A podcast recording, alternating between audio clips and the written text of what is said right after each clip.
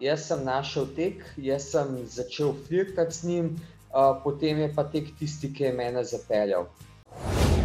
Jaz sem dejansko mislil, da bom umrl.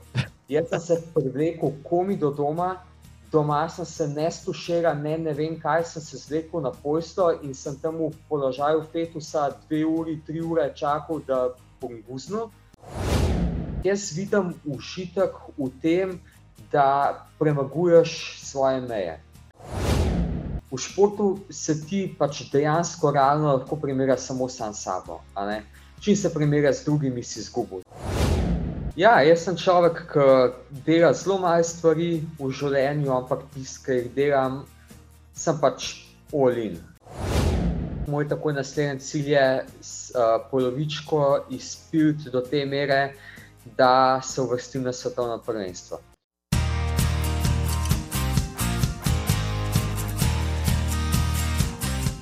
Spoštovani, spoštovane, draga publika tam zunaj, vse vem, poletje je končno prišlo v naše kraje in imate mrske bolj pametnega za početi, morda kot tole gledati ali pa poslušati. Seveda, tole, verjamem, poslušate lahko tudi ob vaši rekreaciji, ali pa ob tem, ko kuhate, ali pa se voste v službo in odštevate dneve do zasluženega dopusta. No, um, mi dva sklemenimo samo za vas, uh, zbijava neslane šale in pojjo, kaj je zanimivega. Klemen Šuligo je z mano, Klemen, živijo. Živijo. Si danes že tekel? Odkar si me povabil na ta podcast, sem vedel, da me boš to vprašal, ker pač vem, da to vedno vprašaš.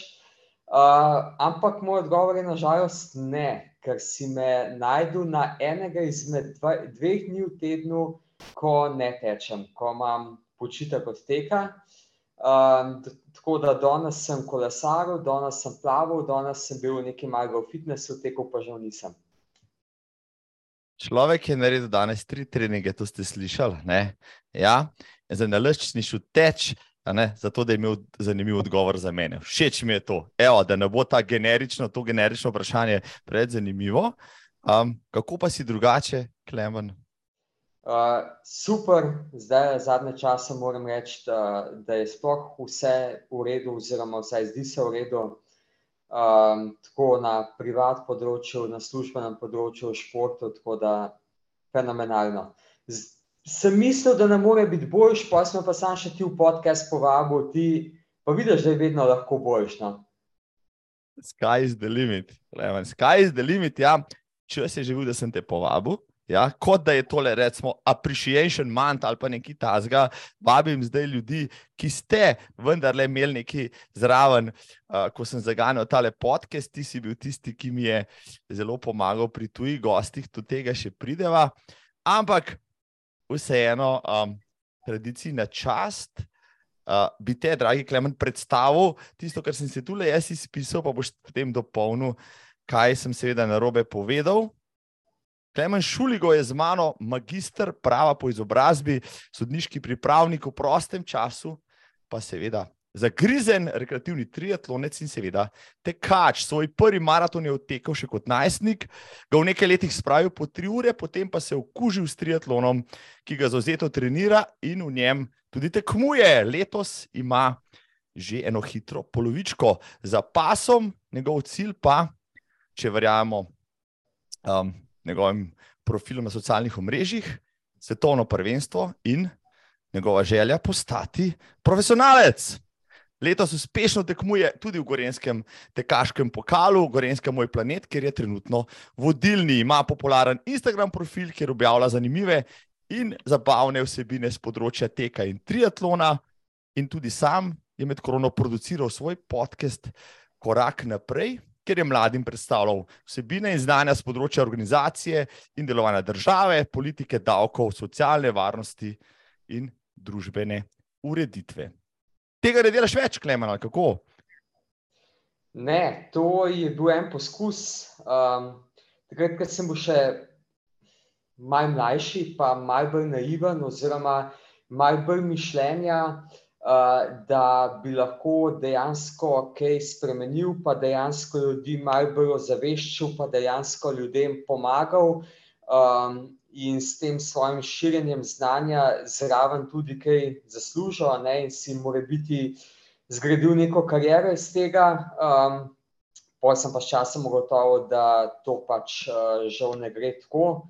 Um, ugotovil sem v bistvu, ne vem, naletel sem na malce drugačen uh, odziv, kot sem ga pričakoval. Pač človek, ali pa vsaj jaz, no, uh, bi pričakoval, da če nekomu pač uh, pomagaš, oziroma želiš pomagati, uh, če mu pač um, razdajaš neko znanje, če rešuješ vse njegove probleme, ne, uh, da boš to zato dobil, če ne drugega, saj zahvalo, pač pa hvaležnost, uh, pa dobro voljo. Uh, če že ne, tudi plačila, ne, ker um, pač če nekaj delaš, je fajn, da si za to tudi plačan. Uh, ampak sem na drugi strani v bistvu naletel na to, da je nekdo tukaj, nekdo, mislim, več oseb, več takih izkušenj. Um, da je nekdo pač, ko je dobil svoje, enostavno rekel, niti hvala ne rekel, ampak pač prekinil komunikacijo, uh, se pravi, ni bilo več ne bu, ne mu. Um, dosti je bilo tudi negativizma, dosti je bilo tudi uh, tega, kako bi rekel, trolanja. Um, zdaj, da bi se nekomu zdelo fair, se pravi, za, za uh, moje delo plačati, to je bilo sploh um, bogoslužstvo. Um, tako da, ja, sem ustrajal skoraj eno leto, pa sem pa v bistvu ugotovil, da s tem okno ne bo kruha. Um, tako da tukaj si je bila ena napaka v tvoji predstavitvi. Uh, takrat sem v bistvu bil uh, sodniški pripravnik, uh -huh. uh, no, pa sem pa na srečo šel, zdaj že dve, dve leti, pa še malo od tega. Uh, sem pa naredil PDI, pravniški državni izpit, uh, tako da zdaj sem pa, nisem več pripravnik, zdaj sem pa že višji pravosodni uh, sodelavec na sodišču. Izvrstno si me popravil. Uh, dej, potem, ko zaključiva s tem pogovorom, sam še na LinkedIn-u refreshe zadeve, ne, zato da bodo pač uh, tvoji sledilci videli, da si zdaj pač malo višji. Uh, videl sem PDI objavo, mislim, to tega ne opravi vsak. Pravnik, ki zaključi pravno fakulteto, malo jih je in malo jih je, ki jih to upravi v prvem poskusu. To je Uh, da mi recimo primerjavo, to je teže kot recimo na trenirati za en Ironman.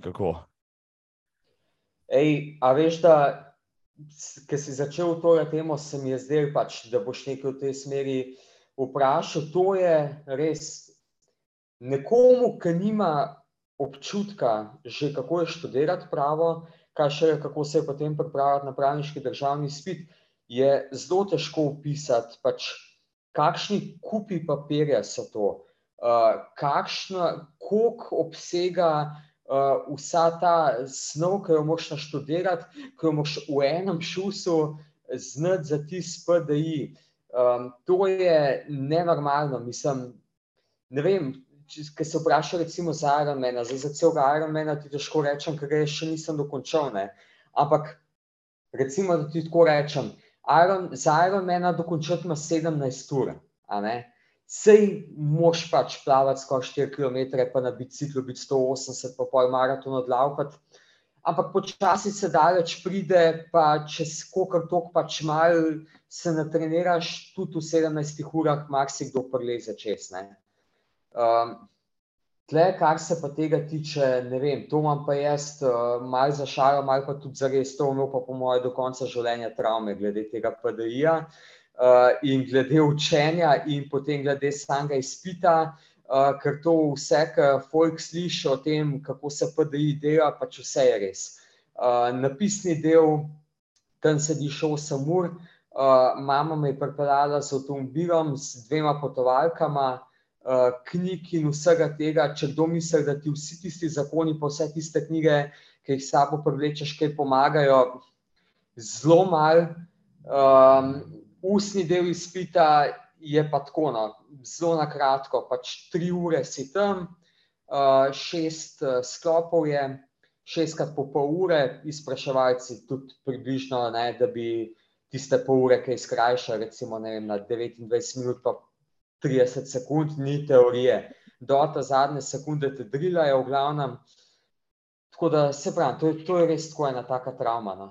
Sej mogoče sem pa zaradi tega tako zblaznil, pa se pa tako fanatično v šport vrgo.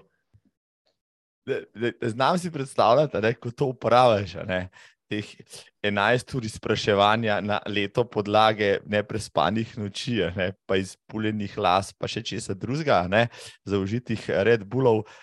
Kako se potem nagradiš? A greš samo še ležati, pa sprazno strmiš v nebo 14 ur, ker si tako spraznen ali kaj narediš?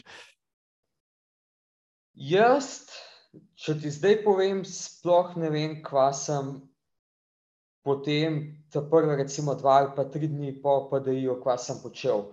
Vem, kaj sem čutil, čutil sem praznino vse, uh, ker kar naenkrat nisem več vedel, kaj bi sam s sabo počel. Uh, zato, ker sploh v zadnjih parih mesecih, recimo, ko je bilo to mesec, dva, ki je bilo to res intenzivno učenje, ampak ja, to je bilo eno leto učenja, kontinuiranega, ne. Um, je to, to zauzema, ne vem, to je kot služba, to zauzema večji del tvojega življenja. Uh, vsak dan posvetiš to pa toliko ur učenju. In kar naenkrat to odstraniš, se pravi, nis, nisem vedel, kaj bi sam sabo. Mislim, pač pol čez par dni sem začel, uh, ker sem dobil tudi pač poziv na sklenitev delovnega razmerja, tako sem pa tudi službo dobil. Uh, sem začel pa na srečo malo v zvezi s tem urejati, pa malo v zvezi s tem možgane, uh, možgane uporabljati, ne, ampak drugač. Um, se še zdaj spomnim, sem ležal doma in pač nisem mogel verjeti, da je to to, da, da je pač konca. Ne. Uh, Najbrž poznaš ljudi, ki so po to pač poskušali več kot enkrat, pa ne uspeli, recimo, kakšna travma je še le to, recimo, ko se let učiš, pa te vržejo. Ja, to je pa, po mojem, pa ne predstavljivo. Mislim, jaz niti ne vem, zdaj se zdaj no, nočem razmišljati nazaj, kaj bi naredil. Ampak um, ja, mislim, zagotovo je to pač. Vem, na robu depresije, po mojem, si najprej na začetku, ne toliko doženega truda, uh, toliko vloženega energije, volje, vsega, uh, pa pa je tudi ta nesigurnost. Ne? Uh, ne, vsaj pri meni bi se zihar pojavila pač nesigurnost, um, ker naenkrat, če si na začetku, ki si ta prvič pristopil, mogoče še mislil, pa dobro, se znam, vse bo že nekako, ne, vse bo že šlo, je pa ta drugič, ne vem, jaz bi se počutil tako. A res znam, ne znam, da spet bom padel, spet bom ne vem kaj. Uh, tle pri PDI, pa sploh krica, ne, ker še lahko pa sam trikrat upravljati. Pas pa pečenka. Uh, če, ja. če trikrat padeš, ta tretjič padeš, konc. Pač ne moš, po zakonu ne moš več delati četrtič. In um, ja, no, po mojem, mora biti kar kriza. Um, ampak PDI v osnovi um, ti odpre vrata v to, da imaš lahko ne, neko pravno svetenje, svojo odvetniško pisarno za vse pravne službe v tej državi pa ni recimo zahtevana, kako, za kakšne, za katere pozicije še moreš dejansko imeti sploh PDI, če se še čisto rahlo ustava pri tem. No? Ja, recimo, če hočeš biti odvetnik, uh, si pač potrebuješ PDI, um, recimo notar, če delaš nekje v sodstvu, recimo zdaj pač na mojem delovnem mestu, če si en položaj nižji, um, si lahko upraviš tudi eh, brez PDI-ja, ampak je potem že manj striktno pravniško delo, sodišče, notarijat, sodišče, um, razno uh, tožilstvo, uh, take zadeve. No. Vse, kar nekaj resno, kar nekaj šteje, kar ima neko težo, pod, če se podpišeš pod en papir, na katerem je pač. Neko tvoja ekspertiza, mnenje ali karkoli tega. Ja, razumem. razumem. Uh, glede na to, da si se veliko pojavljal tudi v medijih, jaz vem, da si bil v delu, pa ona, plus pa pravni vestnik, pa ne vem, kje pisal si o vsem, o pravu v športu, pa o pravicah otrok do, do, do predšolskega varstva in podobno. To so kar zahtevne teme. So te vsi ti našli, ti mediji, pa te poklicali, ali te en najde, pa te pol drugi potem najde. Kako prideš do, do tega, da si praktično, uh, saj med korona si bil eden, rekel, bolj. Uh, produktivnih pravnih svetovalcev v medijih. Pa še na dobro jutro, mislim, da si bil, ni da nino. Um, S tem je tako, kot v športu. Uh, pa jaz, kot nekdo, ki, šport, ki se športom ukvarja ob strani, um, mogoče niti nisem tako relevanten, zato je kakšen profil bolj pravi naslov, ampak najdete noben ne. ne. Uh, ti se moraš ponuditi, vsaj moja izkušnja je taka. Uh, ti se moraš ponuditi, um, ti moraš napisati, kdo si, kaj delaš.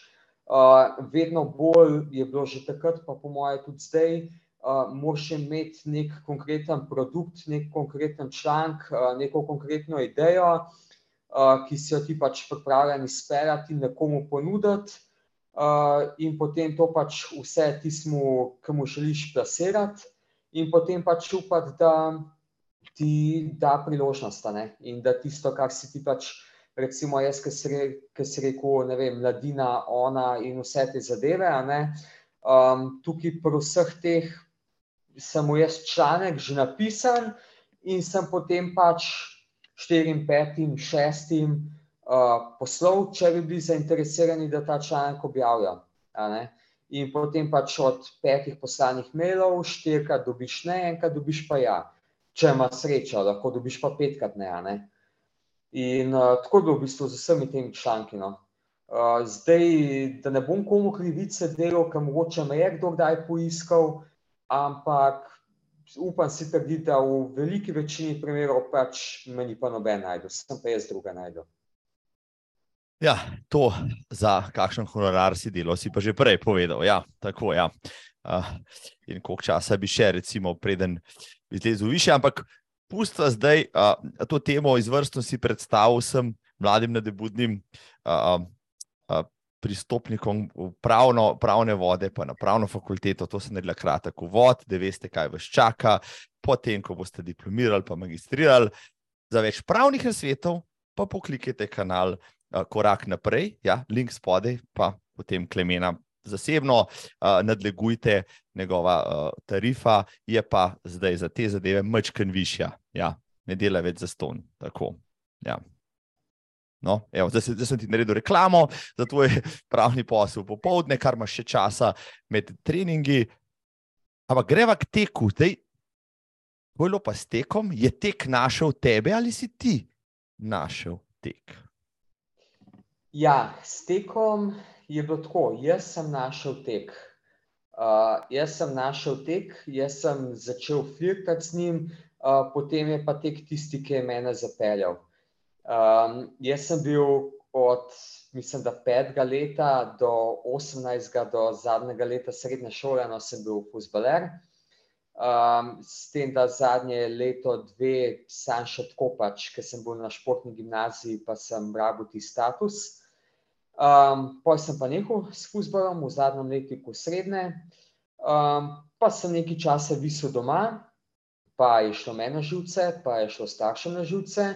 Uh, na kar je pač mama moja, ki je ne vem, koliko, kašne pol leta, eno leto predtem, uh, tudi sama začela teči, pač prišla na idejo, Klemen, kaj pa če bi se ti kdaj kaj obupa, pa še ti tudi kaj odlaupati.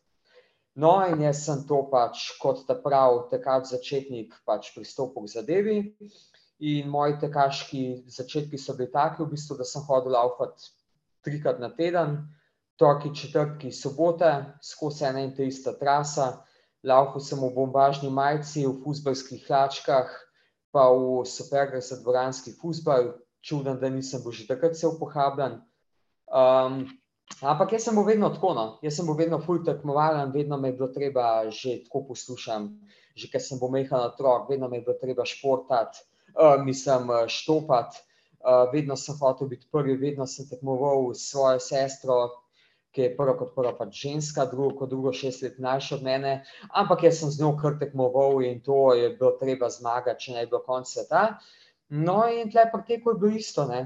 Jaz sem pač tam, takrat sem šel v Šiški živu, uh, samo en krog okorožnika, ki sem si ga pač še enkrat izbral, in pa sem se pravil, vsak torek pač četrtek, en in isti krog, sam da bo hitrej, sam da bo hitrej, sam da bo hitrej.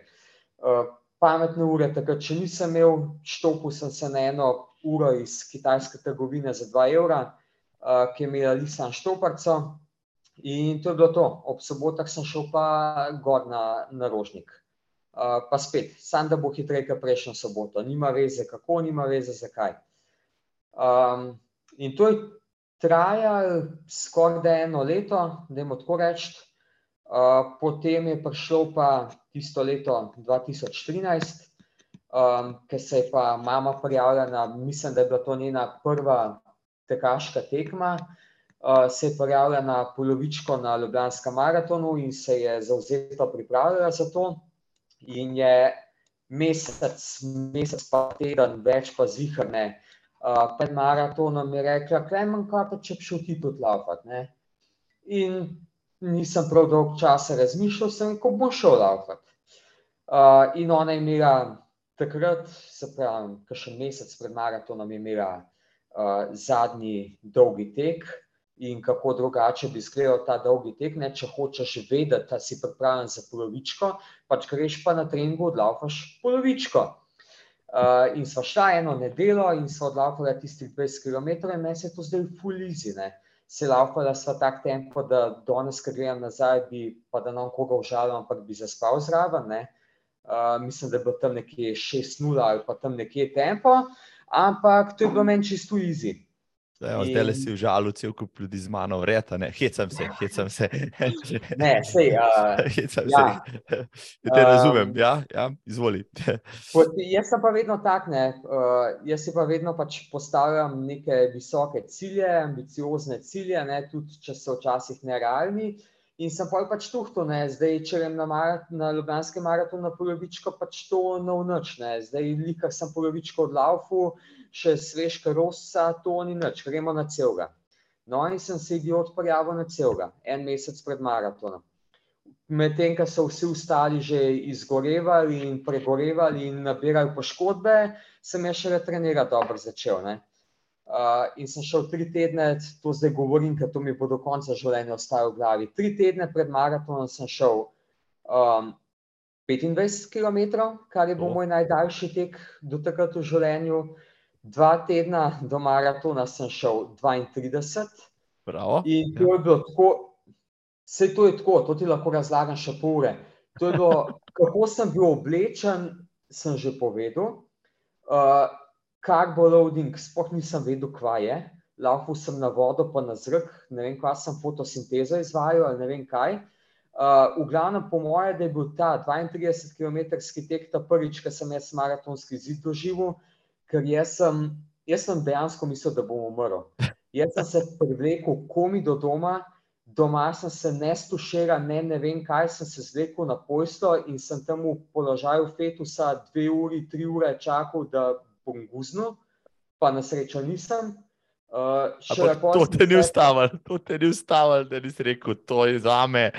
ne, to, veš, to, smo posebne, ne vem, to smo posebne vrste ljudi, mene je to tako pač. Mislim, ne moš pustiti, kako da jaz tega ne morem, pa valjda, da lahko. Ne. Um, vse pol, ki sem prišel k sebi, ne, pol je bilo tako pač. Ok, zdaj ni šel, naslednjič pa bo šel. Ne. Um, no, in ja, in sem stal na, na startu uh, Ljubljanskega maratona. Uh, takrat smo tekli še v dveh krogih in tudi ta Ljubljanski maraton, to je bila dogodivščina. Uh, mislim, da sem se ene trikrat, štirikrat ustavil v boksih, uh, dobesedno. Um, pil, mislim, takrat mislim, da pol nekaj sem naštudiral, da bi bilo fajn tudi kaj popiti pa pojesti med tekom. Čeprav to je bilo tako, po mojem, da sem do tam, do ene 25-30 km, da sem jih lonček ali pa dva tizga energita ali karkoli že bilo spil, tako da vse nač v glavnem. No. Um, poleg tega se pravi, še tekali iz mene pošteno uh, in je šlo spet tam do, vem, do 30, pa še malo kilometra. Uh, Poj se pa spomnim na Dunajski, pri Plečnikovem stadionu, me je začel, pa, mislim, stiskati v mišicah, me je začel že prej, ampak tam je pa zagrabil krčil v zadnjo ložo in ni popustil, in je bilo tako hudo, da sem se pač mogel zlekati na tla. In sem tam ril v bolečinah, ker je pač bolel. Uh, in tudi, ki je popustil in sem hotel ustati, me je spet zagrabil, tako da sem rabo najprej ene dve, tri minute, da sem sploh ustal. Um, ker sem hotel korak naprej narediti, spet ni šlo, je spet zagrabil in ne vem kako, pač nekako sem se uspel potem začeti premikati in hoditi. Um, in to sem ponavljal tam ne mastre do podhoda pri gospodarskem razstavišču. Tam se je pa pol že začel tiskati, bilo pa malo več ljudi, pa malo več tako in takrat sem si pa rekel, da je pač pretok folka se pa ne boš zdaj tle po teh zviju pa joko, pa ne vem kaj in to čudo od adrenalina in vseh teh uh, hormonov uh, je naredilo svoje, tako da sem potem uh, gor v gospodarskem razstavišču, ki se gre od železnice proti Bavarcu, pa po slovenski, pa do cilja sem potem skozi odlaufu in ja, in sem prišel do cilja. In potem takrat me je tek totalno omrežil in takrat sem začel pa sam še razmišljati, kako bi jaz to lahko boljš počel uh, dres Frančeska Totija si upokojil, pa kupu ti zgal telju, da ki pčoga. Ja. A? A? Ja, to, ja, to si me tudi spomnil. No, sej, to, to je pač to je pokazatelj, kakšen bukser sem. To je, to je res pač. Um, To celotna pot do tega mojega maratona, pa kako sem jaz pristopil k zadevi, pa kako sem, ja, takrat sem odresel od uh, Frančeska Totija Laufu, um, jaz sem bil takrat še čisto v fusbalu, uh, Uh, navil sem za Romo, to je bil moj idol, najboljši, mislim, najbolj priljubljen nogometaš. Imel sem njegov dres in sem rekel, pač, zakaj pa ne bi šel v tem dresu laufati. Uh, in sem laufal, ja, dres Totja, pa neke zelene olimpijske hlačke, meni se zdi, sem imel, uh, pa neke superge za gorski tek ali neke gore tek sem imel takrat še. V glavnem tako, no, da bi se mi zmislil, res sem, sem pristopil k zadevi, brez hrane, brez pijače, brez treninga, ma brez vsega, sam, sam z idejo v glavi, da jaz bom zdaj maraton prelaufal in sem ga prelaufal. Kako romantično se to sliši. Ja. Mislim, to, mislim, to so zgodbe, ki delajo tekače. Pustimo zdaj vse tiste, ki danes preden naredijo prvi korak, že vse vejo, že vse kupijo, pa vse imajo. Ma to je čisti dolg čas. Ti rabaš to, grinda, ti rabaš priti iz, iz, iz, iz, iz podna nekje, pa eksperimentirati sproti. Ampak pri 19. No, kako te pa okolica zdaj sprejemala? Vsak 19-letnik pa ne preteče maratona po 4 ure, praktično brez treninga. No, neki, uh, je bilo pa že mal ponosa o tebi, kljub vsemu, kar se ti dogaja, pa v tvoji okolici tudi. Ja, jaz ti moram tako reči. Um, jaz sem že po naravi bolj introvertiran. Uh, tako da prav neke široke množice ljudi okrog sebe nimam. Uh, Na pravu sem bil nasploh uh, izobčenec, ni prava beseda, ampak tako uh, nekako tujek sem bil na pravu. Uh, zato, ker um, nek tipečen študent prava, takrat v mojih časih, no, uh, je bil zelo tako, zelo resen, zelo študiozen. Uh, glavne teme so debate, so bile pravo, politika uh, in vse take zadeve. Jaz sem bil pa takrat še vedno, no, ja, še vedno pa tudi tako, kot sem zdaj. Bolj za, tako, za šport, pa za prosti čas, pa za take zadeve. Ne. Tako da, ful neki velikih sogovorcev nisem imel, ampak tisti krok, ki je bil okoli mene, pa tisti prijatelji, ki so bili srednje šole še, uh, pa ja, pa vem, da so bili navdušeni.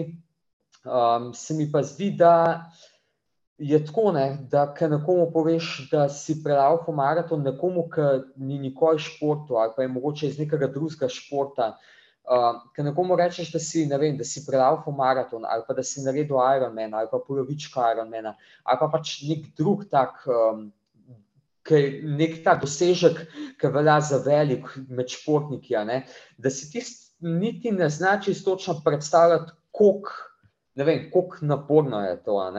Koliko naporno je, ne vem. Jaz sem zdaj pač full treniran, pa full prelaufam, pa kolesarem, pa plavam, pa ne vem kaj. Ampak po mojem bi se še zdaj kar dosti namatro, da bi tistih 42 km prelaufal. Pač, ker nisem laufal več, kot ne vem, 23-25 km, že ne vem koliko časa. Ne, ne.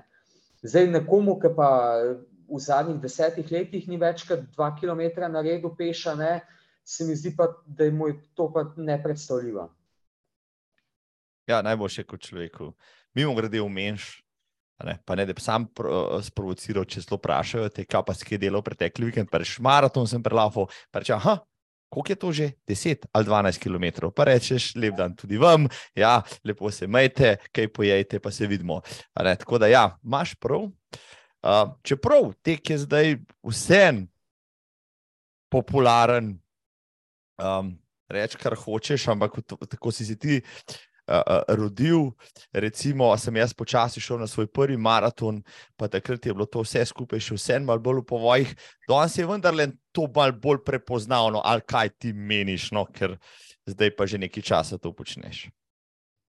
Ja, bi se strinjal s tabo. Um, se mi zdi, da je nasploh, ali pa kaj pa vem, ali sem pa mogoče preveč o tem omehučko. No. Uh, Uh, se mi zdi, da tek, pa zdaj zadnje čase, um, včasih zaradi Pogačarja, pa Rogliča, pa tega kolesarstva, pa to, uh, se mi zdi, da je vse več ljudi, ja, ki včasih nikoli niso počeli nič, ali pa dolg časa niso šport, ali pa se zdaj nekako vračajo um, k tem disciplinam. Veš, kako je, ne? Tek je, tek je najbolj enostaven, ja. Uh, tek je, pustimo to, pol, da pridemo do teh raznih uh, superčevljev, pa najnovejših garminov, pa ne vem kaj, ampak v osnovi se tudi jaz sem prišel tako v tek. Uh, kaj, če bi ti imel športu, ok, pač kaj je najbolj enostavno. Ne? In tako, kot sem ti rekel, zlaufati, le bombažna majčka, neke hlačke, nekaj se pravi, nekaj superge, da so pa tistih, ne vem, pet km ali pa recimo tudi deset km pismo, ni hudič, če ne prelaufaš. Ne? Um, in ja, se mi zdi, da je ravno to, ravno ta neka enostavnost, spet, če se pravilno prstop zadevi, ne, uh, da nekdo, ki začne laufati, da pač res uh, prstop zadevi tako, da v teku uživa, um, zna biti tek zelo tako, uh, ne, ne izčrpajoč, pa ne tako, da prideš v spolomljen iz teka, ampak tako, da znaš, da si zbistriš misli, da odklopiš, da dejansko uživaš. Uh, in zna biti pač tako, kot neka forma odklopa, tako kot je za nekoga, ne vem, moče meditacija ali pa ne vem kaj. Poslednje si odlično povedal. No? Jaz se siguren, večkrat najdem v tem, jasno, ne, če, če vse več grem sam, če si v skupini, to druga dinamika, pa debata in tako naprej. Uh, ali pa celo hitrost in tako naprej. No, ampak, evo, zdaj se zaprtovajem. Prvem maratonu, rekel si, tek te je pol potegnil vase, koliko časa nisi normalno hodil po tistem prvem maratonu. Vem, to se pa res ne spomnim. Uh, vem, da, vem, da pač, to je bila nedelja, ne pa v ponedeljek je bil faks. Uh, vem, da vsaj kakšen dan ali pa dva sem še malo štora shodil. Um, ampak iskreno povedano, ne vem, ne spomnim se prav, kaj dost. Um, spomnim se samo naprej, potem, kako je šlo, da, da prav kaj dolg časa niti nisem počival. Uh, pa tako na takih malce večjih dogodkov se spomnim iz tistega časa, se pravi, pač to štorija okoli tega prvega maratona tega v življenju, ne bom pozabil. Uh, pa vem, kako sem potem naprej šel, um, ker sem malce resno pristopil v zadevi in kako se je potem moja pot nadaljevala do tega, kjer smo prišli, oziroma do kjer smo zdaj.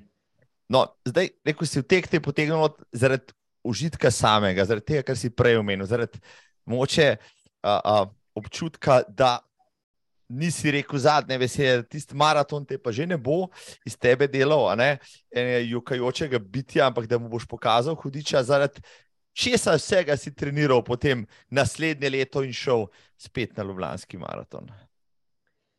Zdaj ne vem, če temu lahko rečeš užitek, tako kot si večina ljudi interpretira užitek. Okay, um, ampak moj, takoj moj naslednji cilj za naslednji Ljubljanski maraton je bil, prvo kot prvo, da ne bom pač se zvijal po tleh v krčih in ne vem kaj. Drugo, kot drugo je pa, da bi pač šel malo hitreje, kot sem šel. Uh, zdaj, da bi imel že takoj za naslednji maraton, ki še cilj, ne vem, če je bil.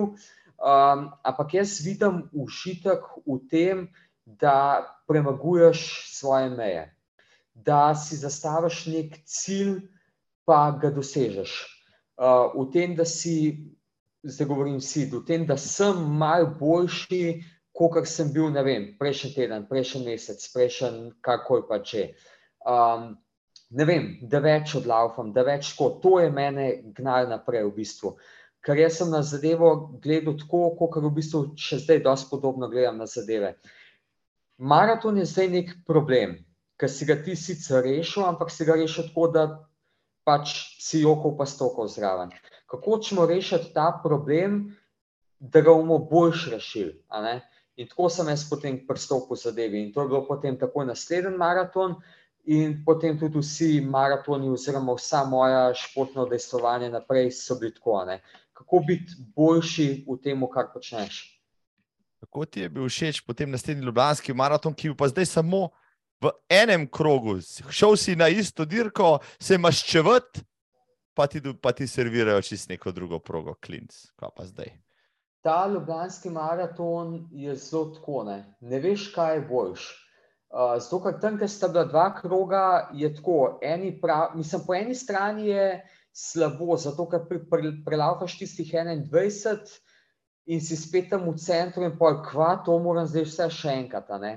Mogoče z tega vidika psihično niti ni optimalno. Uh, Ampak uh, tisti, ki je en krok, je pa tudi bolj žalosten. Zato, ker pol, ki se enkrat oddališ tam iz mesta, um, tam, ki laufaš potem Trnovo, uh, Vič, Rudnik in tam, tam ni žive duše, ne? tam si pač dobesedno sam. Mislim, je mogoče kakšen tekač pred tabo, kakšen tekač za tabo, ampak ob cesti zelo malo gledalcev, vsaj takrat je bilo tako. No?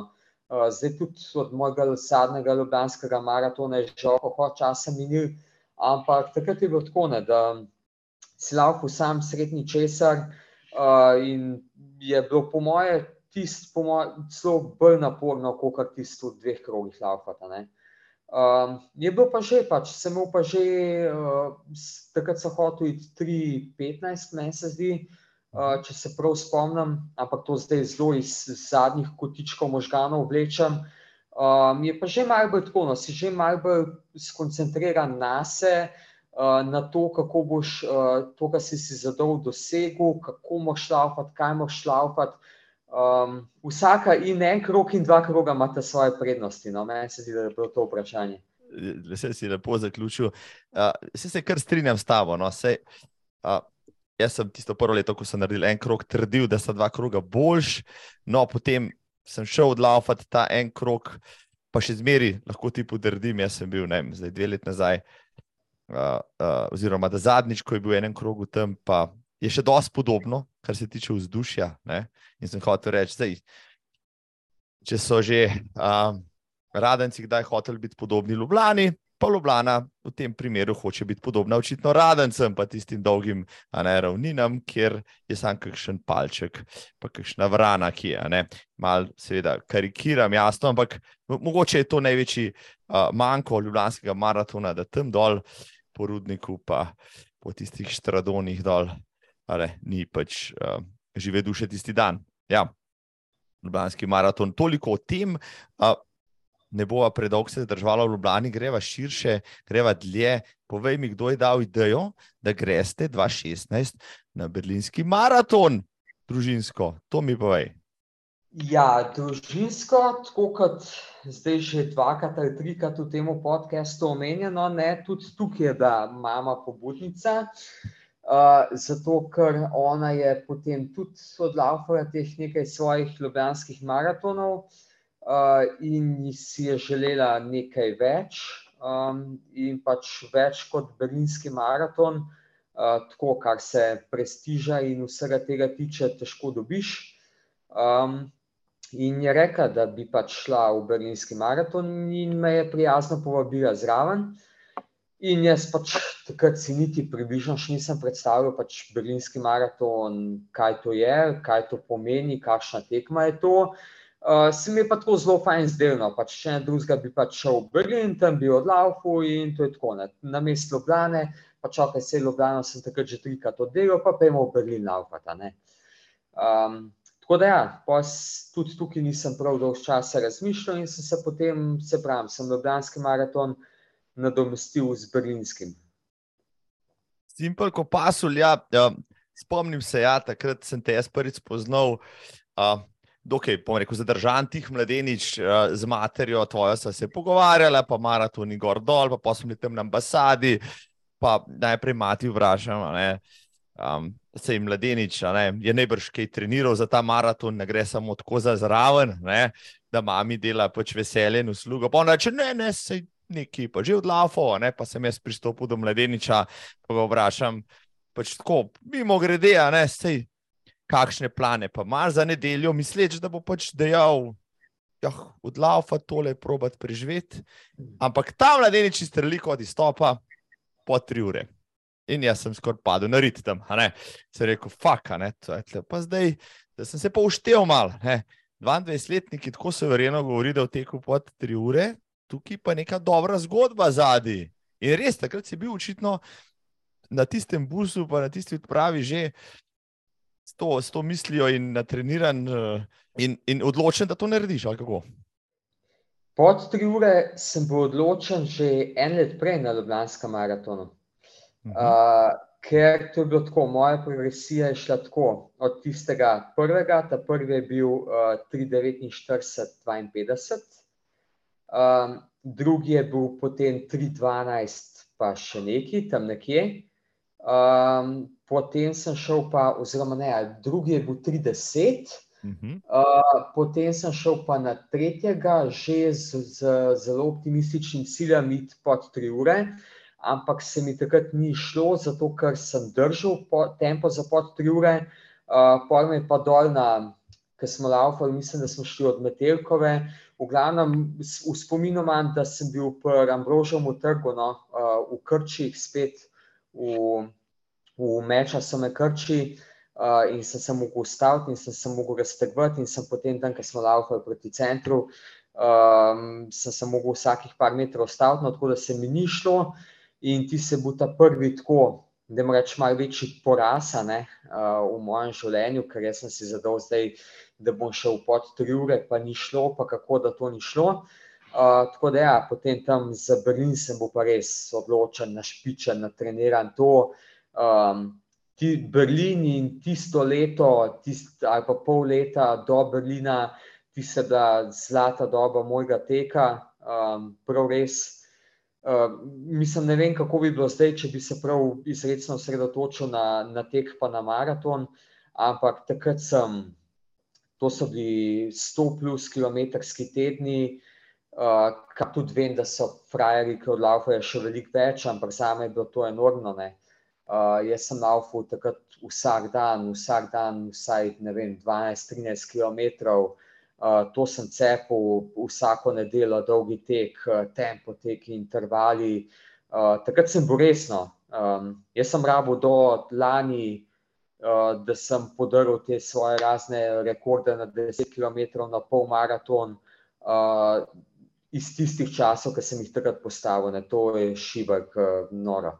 Uh, in sem vedel, da v Berlinu, če bo šlo vse po planih, pač mi tistih treh ur ne bo nobeno vzel, zato ker sem bil pripravljen tudi za veliko več. Um, pa glavo sem tako na monteru, uh, da nisem šel v grlo moje jagode, da nisem šel pač uh, na glavo od začetka, ampak sem se tudi psihično tako pripravil, da sem se nameraval pač prijeti pejserja za tri ure in potem pač s njim uh, vzdrževati do ne vem, 35 plus, tam nekje, ne, dokler ne bi bilo zihar, pol pa čau, Miki, pa dobiš tistih par sekund prednosti. No. Tako da to je bil moj pristop pred, pred Berlinom. No, in itak si bil nad planom, ja, lepo si vračal tiste petke v 21 minutah. Kaj si pa razmišljal pol na 18 km sedeč na tistem Dixiju, ne, ko si rekel, dem, pa tako dobro je kazalo. Ne vem, kaj sem razmišljal. Razmišljal sem šit in to pač dobesedno šit in uh, figurativno šit. Um, mislim, ja, to, to takrat, mislim, jaz sem še zdaj pretekel. Veliko manj probleme, kot sem jih imel takrat, ampak takrat sem pa sploh uh, probleme s črvesami in tudi Berlin ni bil izjema. Uh, mislil sem, da sem naštudiral vse, pa očitno nisem. Šlo je v redu, tako kot je bilo vse po planu, s Pacerjem, ta prvih, ne vem, recimo 15 km, Pojem je začel pa zvijati. Pojem je začel pa zvijati, črvičati, ene par sem jih spustil, upajoč, da bo to to, pa pač ni bilo to to. Sem vedel, da se bom mogel ustaviti. Uh, zato, ker pač ne, na 18 km, ki je še 42. Um, in ja, pa je bila v bistvu instinktivna odločitev, zato ker na 8, prej nisem nikjer nobenega, nobenega tega boksa videl, na 18 km sem pa nekje videl en ta um, skret in sem se pač v stotinki sekunde odločil, da zdaj le greš, pa upaš, da je zadnjič. In sem res šel in sem na hitro opravil svoje, ne vem, koliko sem tam zgubil, ampak po mojem, da več kot dve minuti. Uh, in sem tudi zelo, moram reči, da zdaj jaz lahko sam sebe ocenjujem, kako jaz razmišljam. Um, jaz doskrat rad paničaram, pa kakšno bedarijo naredim, tako če mi ne gre zadeva po planu, ampak takrat sem pa zelo tako, zelo mirno, brez panike sem pristopil k zadevi, pa sem se rekel, da izgubil si ne vem, samo dve, tri minute, kako koli, pač le, ne zdaj spet sprint, pa probati vse tako nadoknaditi, da reče še 42 km, da ti to počaslal. Uh, in sem res počasi lovil, in sem ujel spet nazaj, mislim, da tam nekje okoli 32, kaj pa tam nekje kilometra. No. Um, sem ujel, laufu sem tam ene 4-0 tempo, um, pol sem pa držal do mislim, da je bil 37 ali pa 38 km, to, da sem se malo umiril, pa da sem res ugotovil, da noge še držijo, da bo šlo. Uh, sem držal pejserja, tam sem pa rekel, je Klemen zmagal si in sem jurišal naprej in sem v tistih pol zadnjih 4 km sem dobil, mislim, da skoraj 3 minute ali koliko, tako da pa je bilo 2,57, koliko že je 37 ali to nekakno in zmaga. Naj, Deva reči, da je bil to uh, najboljši moment na celi tekmi, tisti trenutek, ko si šel od Pajstera naprej, pa si ugotovil, da tega ti ne more več eno vzeti ali kaj drugega. Najboljši trenutek je bil prihod v cilj. Mislim, najboljši trenutek je bil, uh, oziroma da je tako reči, najboljši trenutek je bil ta zadnja, ne vem, recimo minuta ali pa pol minute pred prihodom v cilj. Ker jaz tam niti nisem imel pojma, pač vse so tiste oznake, pa koliko je približno še do konca, pa to, ampak jaz tam nisem imel pojma, zdaj, koliko je še uvinkov, koliko je še to, koliko je še uno, koliko je še tretje. In jaz nisem vedel, kam laufam, jaz sem sam laufal. Poj pa vem, ker se je, pa, je bil pa ta zadnji novink in potem se je odprla tista zadnja ciljna ravnina in poj, ker si pa že na delač videl cilj, tiste bo pa najboljši trenutek oziroma več teh, ker pa pač veš, da ja, letiš, takrat bi res lahko letel. Takrat ne vem, če bi sprintil cilj, po mojem, ne bi šel samo 4 ure, takrat bi šel 3,30 ali pa ne vem koliko. Ti se bo pa res tako, nepozabno. To je tako občutek, ki ga še zdaj doživim, ko dosežeš nekaj res zate velizga. Uh, to je pač, da imaš podoben občutek, kot ne vem, kaj narediš PDI ali pa kot narediš ne vem kaj. Ko si zadaš nekaj res, nek velik cilj in vlagaš trud, energijo skozi dolgo časovno obdobje, se odreka stvarem, um, ne vem, pač vse posvetiš temu in ko gotoviš, da ti je rad ali da se ti je vse to izplačalo, pač ne vem, nepopisno. A meniš, da smo uh, ljudje zato tako, bomo rekel, uh, množično navalili na te tekaške pridite, posebej te velike maratone, no te sploh. Um, ker vedno znova lovimo ta, ta občutek neskončne sreče, da nam je nekaj uspelo, kar smo si zastavili, ker morda nam v življenju manjka. Pač takih in drugačnih dosežkov, tu pa lahko poustvarimo ta feeling, ki je tako dober, tako zaizvoljiv, tako dopaminski, da nas vsakeč znova vleče v še nove in nove podvige, kljub temu, da so neskončno rekel, trpeči po odrekanju zahteve in vse ostalo. Ja, jaz za ostale ljudi težko rečem, ampak vem, da za me, pa za koga, ki ga poznam, je definitivno tako, da je neka, neka posebna, ne vem, je nekaj posebenega, da si zadaš nekaj, sploh če je to recimo v športu, da si nekdo, ki se celo življenje ni ukvarjal s športom, da si zada nek cilj, ne vem, tu če je to zelo prelavo, pa desetko ali pa kakor pa če. In da prideš dejansko iz tega, da si nek kavč potato, da nisi še prehodil ne 500 metrov v življenju, kaj še je prelavo. In da se pripraviš, ja, da vlagaš trud, da vlagaš energijo in dosežeš nekaj, kar se ti je zdaj mogoče pol leta, eno leto nazaj, neverjetno, um, se mi zdi, da je to eno tako gonilo. Ja. In tudi šport, šport je ena taka posebna stvar, ki je mogoče niti ne moreš primerjati z ostalimi stvarmi. Zato, ker v športu se ti pač dejansko realno lahko primerjaš samo sam s sabo. Če se primerjaš z drugimi, si izgubil. Zato, ker nekdo, ki laufa 5-0 tempo, se primerja z nekom, ki laufa 4-0.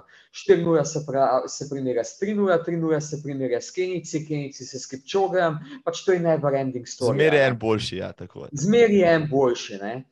Uh, tle si pa pač dejansko lahko zadaš nek svoj cilj, ki ti ga nihče ne more vzeti, uh, in pač ti lepo počasi stopičaš proti temu cilju. Uh, ne vem, na, v neki karjerni poti pač mogoče, da je kaj tajnega podobnega, ampak ne vem, če je eno.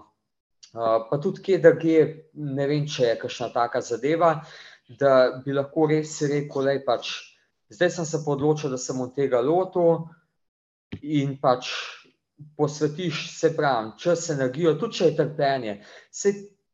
Na koncu se ti vse poplačano, ne vem, vsaj jaz tako mislim. Ko sem hodil na prve razgovore, se spomnim za šiht, tam po faksu, pa sem me vprašal, kaj pa roblek, vaš največji dosežek v življenju. Ne? Mislim, sicer po 14 letih nimaš veliko dosežkov, ampak sem rekel, to, da sem pretekel maraton, pa več kot enega. No, pa da sem naredil diplomo, recimo, ne? v tem vrstnem redu. No, sicer, um, pol, ker eh, nekaj služb nisem dobil zaradi tega, ker sem bil tako uh, samozavesten, da je tega maratona, ne pa vsega ostalega, ne sem to nehal govoriti, ja, pa je šlo lažje na razgovorih. Ampak res sem se jaz tudi počutil, da je tako in še vedno vse, tako kot praviš. Ja. So stvari, ki ti jih ne morejo vzeti, so stvari, za katere se sam odločiš, jih sam izpeleš in, in uh, zasluge potem lahko tudi sam pobereš, sam sebi si čestitaš. Sicer ram, se ne rabiš nobenega, na koncu koncev, rabiš tisto ciljno črto in to je to.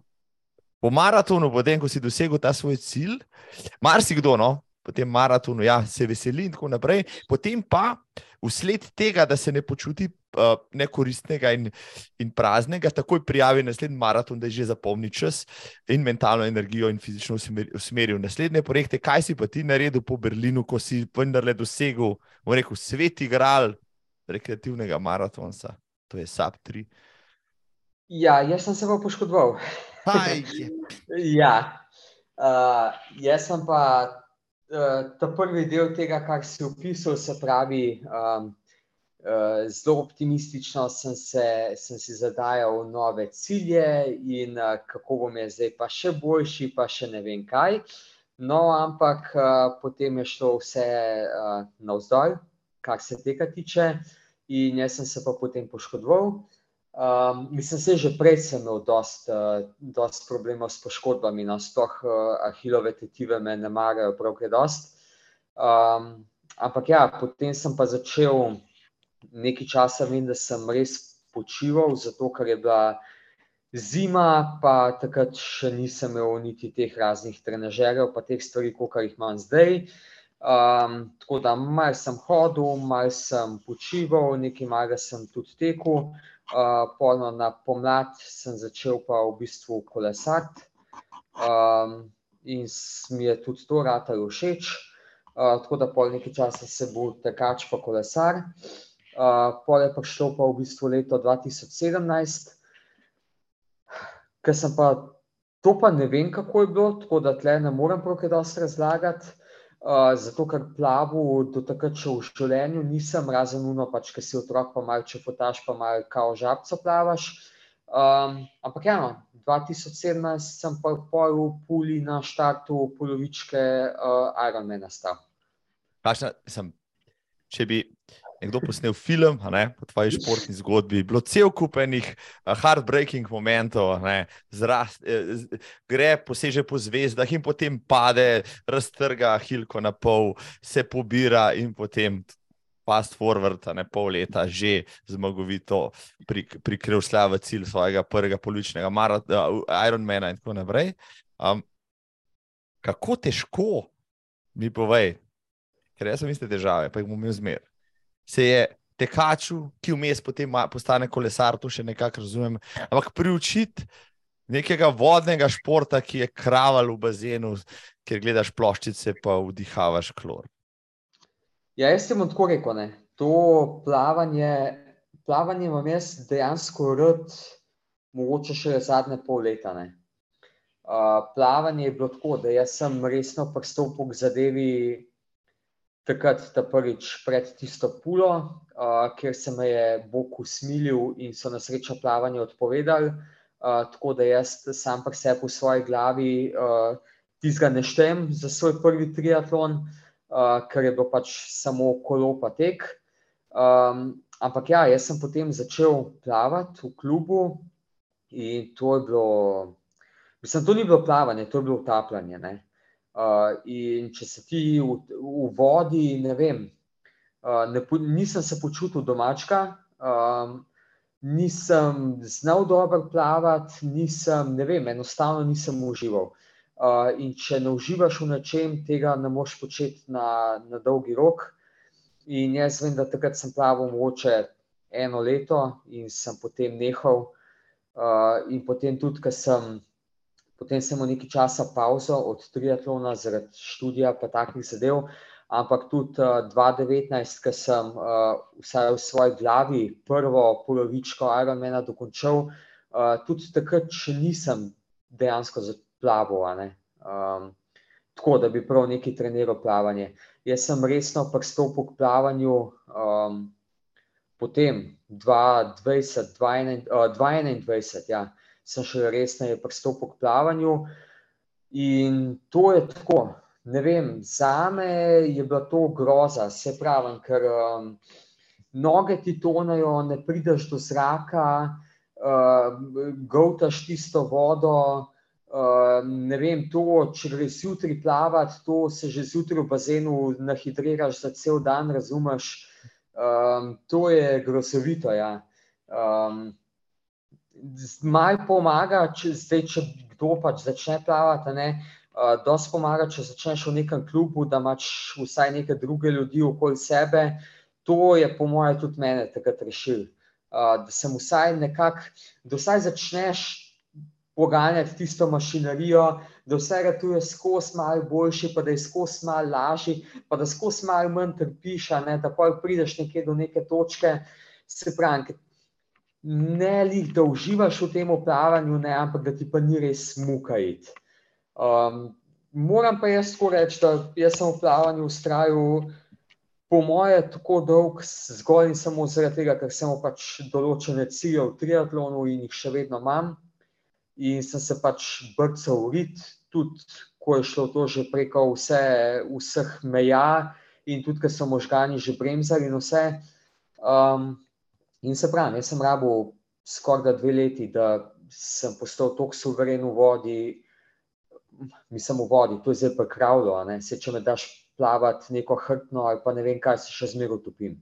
Ampak da sem postal tako suveren v vodi, da grem zdaj dejansko z užitkom plavati. No? In da zdaj dejansko lahko plavam, in tudi pri plavanju, tako kot pri teku, pa pri kolesu, odklopim in pač samo neki samostojno migam, in je to to. Dve leti praviš, ne? dve leti. Ja, kar dolga doba. Mislim, da je možno, da tako, no, mislim, se jaz itak talent nisem zanačen, ampak možno, da sem jaz nek poseben antitalent za plavanje. Um, ampak ja, no, pri meni je to zelo, zelo, zelo dolg čas trajalo.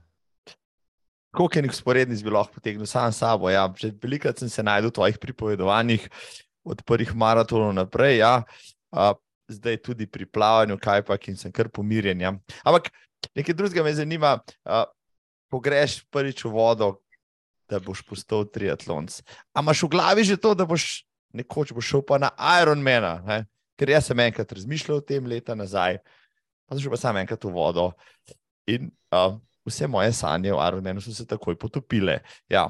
Um, ker sem hotel, to pa res, to pa res ne bo šlo. Ne? Ampak ti si pač ustrajal. Ampak a je to v glavi nekega, v neko uh, rekreativca, ker si ti bil človeka, ki se bo lotil tega športa, ok, nekoč bom pa šel na kraljevsko disciplino.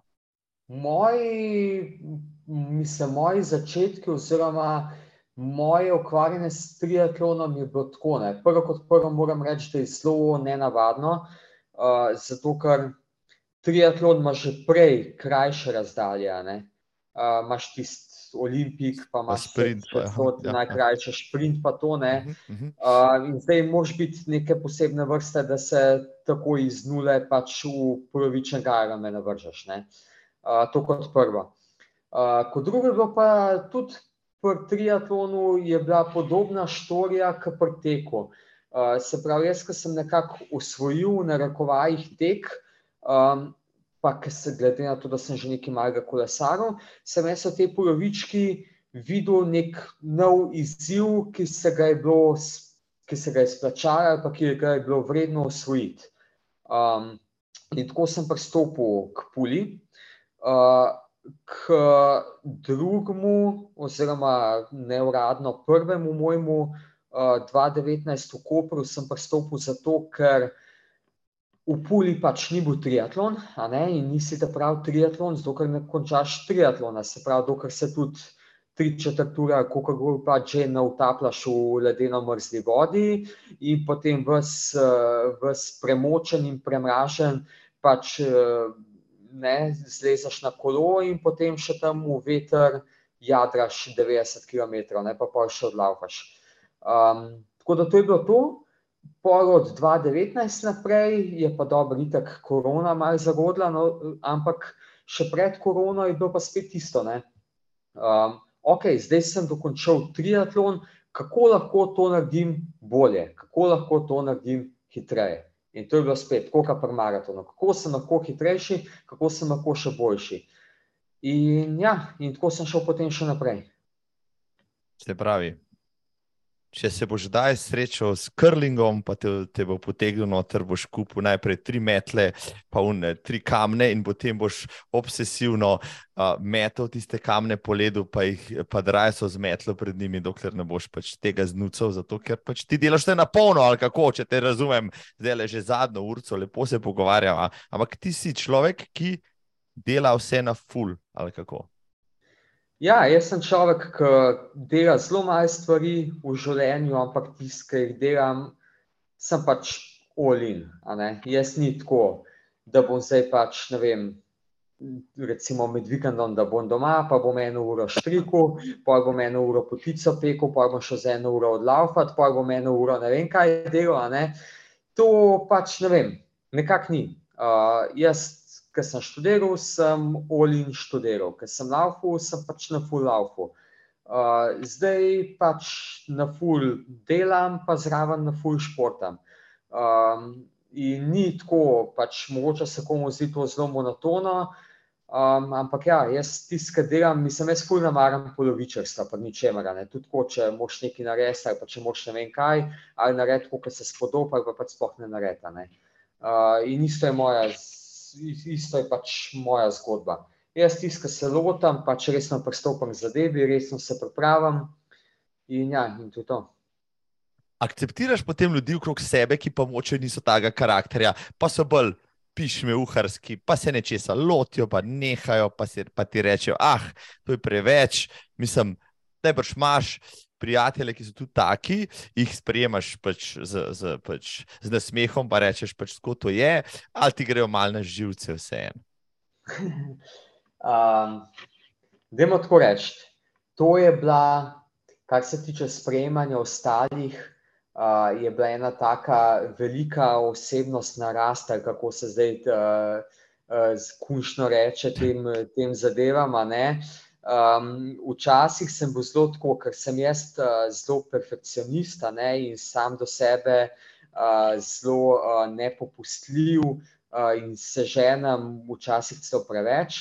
Um, sem do nekaj časa nazaj to projektiral tudi na druge. Ne. In sem se pravi, te iste visoke standarde, ki sem jih vzdržal pri sebi, pričakoval tudi od drugih. Um, ampak potem je bila pa v bistvu ena dobra izkušnja, je bilo tisto, kar so prej govorili, korak naprej.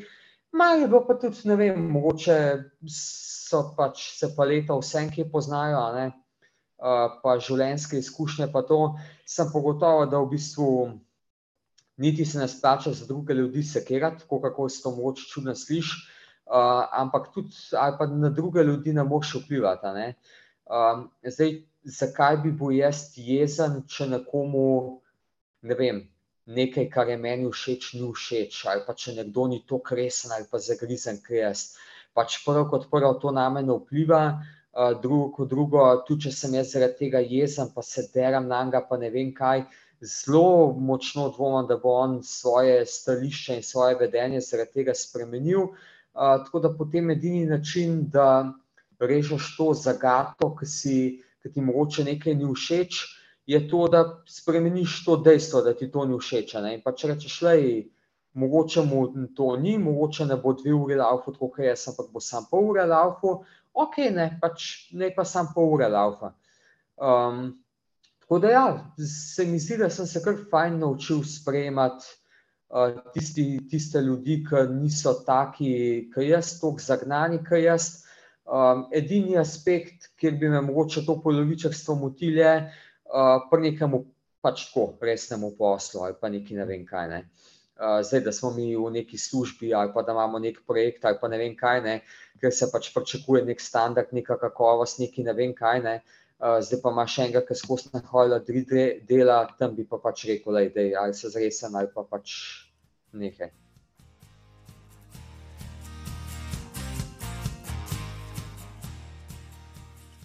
Pošteno, pošteno in stvar je prišla zdaj na misel. Um, pa, če so pri osebnosti rasti, pa napredku. Pa sprejemanju samega sebe, rekel si, začel si sprejemati okolico na drug način, to mi všeč. Kaj pa sam sebe, recimo, ne, bom rekel za primer, socialna omrežja, marsikdo. In tle vidim, ne, recimo, delim ljudi na, na, na, na dve skupini, ne, uporablja social medije za svoj ekshibicionizem. Ne, Medtem ko drugi, ne, in tebe vrščamo v drugo skupino, pa uporabljajo ta mreža, da se ne, ironično pohecajo sami sebe, stvari, ki jih počnejo zelo za res, pa jih vzamejo na humoren način. Ne, ja, in tudi sebe, kar naenkrat ne jemljajo tako smrtno resno, razgalijo se na en način, ne, ampak na tak prijeten način. In to sem pa tebe opazil na tvojem Instagram profilu, ko si začel objavljati dve leti nazaj te svoje, rekel, in triatlonske, treniške in ostale prigode. Ne? In se mi je zdelo zelo simpatično. Rekel, človek, ki je v osnovi introvertiran, ki se ne razgalja preveč, ampak na ta način si povzel svoje bistvo in recimo na triatlon je bil in, in je na en način tudi tvoje bistvo, del tebe ali pa ti uh, kot taka. Uh, ja, da ga ti potem seciraš na ta način. Uh, da sebe vržeš tja ven, se pohecaš na, na, na, iz, iz sebe in iz tega, kar počneš zelo za res. To bi bilo pa kar hecno. Zakaj recimo, si to začel početi, me zanima. No, je to znak, en način odraslosti, zrelosti, da si to lahko upaš prvoščiti, da nisi več tako samo kritičen. Mah, tle zdaj ki si postavil vprašanje, sem ene tri, štiri tangente dobil, ki bi lahko povedal pač par stvari o njih. Ne. To je tako. Um, ja, jaz sem introvertiran. Ja, dolgo časa sem se pač uh, držal bolj zase, oziroma se še vedno držim bolj zase. No. Se to se ni spremenil. Um, meni se zdi, da je bilo to ta uh, razmah uh, mojega objavljanja in vsega tega, Uh, to je zelo fajn. To se je v bistvu začelo po tem, ko sem jaz PDI naredil. Uh, PDI sem naredil in takrat je, da bi se ne vem. Ne bom rekel, čist drug človek uh, rodil, ker se ni, ampak fejs sem se spremenil, zato ker mi je res, uh, se mi zdi, taka uh, skala z ramen padla, da sem se dejansko lahko pač malo bolj sprostil. Se mi zdi, da še zdaj sem doskrat preveč zakrčen. Ampak se mi zdi, da takrat sem bil pa res tako zakrčen. Jaz sem bil vem, v srednji šoli, pa tako, ko se spomnim nazaj, sem bil veliko bolj sproščen, pa veliko bolj tako. Pa, pa se mi zdi, da sem začel študirati pravo, pa sploh pol, ker sem se učil, pa to, pa kar naenkrat cel resen ratov, pa cel zdaj pa učiti, učiti, učiti, pa služba, pa ne vem kaj, pa to in tretji spitja. Um, in se mi zdi, da potem, ko sem to nekako dosegel, ta, ta PDI, da sem pa vse spet lahko, ne vem, se pravi, malo sem se sprostil, malo sem spet začel odkrivati tisto, uh, tiste hece, ki so me včasih pač uh, veselili, nasmejali. In ni bilo pa to tako, iz danes na jutro, veš, zato ker tudi. Um, Sploh zdaj, ki je tisoč in en trol po internetu, ne, uh, in ti lahko kren Janes iz ne vem, kje iz Horjula napiše, joj, klemen, ti pa beden ali pa ne vem kaj. Ne, um, da, da v bistvu znaš tudi to sprejeti in se tudi s tem soočati, in vse to premenšati to postopoma.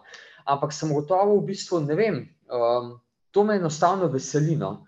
Uh, tudi zdaj, jaz sem vsa ta Instagram je potem premen, recimo, ne vem zakaj, ker jaz pač nikoli nisem nobenega prosil, da me followa. Uh, nikoli nisem nobenega prosil, da mi ne vem, kaj naredi, ne? ampak uh, očitno ne vem, se je to potem kar naenkrat razrasel, razpasel, raz ne vem kaj. Um, ugotovil sem, da ne vem, da v tem uživam. No? Uh, uživam tudi v razno raznih smešnih slikah, uh, videih, uh, forah. Um, in to pač ne vem, zdaj sem se navadil, da to objavim, ker mi je po pravici povedano vse kaj si drugi mislijo. Pač ne objavljam zdaj res čisto vsega, um, kako bi rekel, idiotizma, čisto vsake, ne vem, neke vulgarnosti, mislim, vulgarnosti sploh ne objavljam, no, ampak tako. Um, ampak ja, to je nek, um, to, v tem sem najdel nek način izražanja sebe. Um, Instagram je tudi, se mi zdi, ta pravo socialno omrežje za to, ker ne vem. Twitter se mi zdi, da je gnojenca, Eh, Facebook je največja gnojenca, sploh človeštva, če me vprašaš. Um, se mi zdi, da Instagram je pa vse neko omrežje, ki je pa tako, ki je pa malo bolj sproščeno. Pač. Takrat so bile še vne slike, pa zdaj so malo videi, pa malo so tako, no, ne vem, ni toliko tega nekega negativizma, pa pljuvanja, uh, pa vsega tega. No. Um, tako da, ja, to, tako sem jaz počasi začel. Ne, in me pa še zdaj, kdaj prime, pač ki tudi po teden, dva, tri, noč ne objavim, ker mi enostavno ne paše. Če pa mi paše, pa objavim. Tako da tako se je v bistvu ta moj Instagram začel, razvi, mislim, začel razvijati in napredoval. In razvil do te točke, kjer sem zdaj. To je pač, ne vem, najdel sem način, kjer se lahko nekako ustvarjalno, recimo v narekovajih, izrazim, a ne nekako sprostim si tudi zaradi Instagrama, pa svoje popularnosti, rečemo temu, no? ali pa svojega followinga, ki je kar obsežen, več kot 5000 sledilcev, imaš prišel do tega, da si vem, zdaj ambasador vem, športne prehrane in kaj podobnega. Ma, to je pa tako, to je pa, to je pa spet. Um, To je pa spet posebna štorija, uh, ki lahko, mislim, z veseljem lahko tudi 15 ali pa 20 minut o tem razglabljam. Um, pa je povezan tudi s tistim, kar sem prej govoril, pa korak naprej.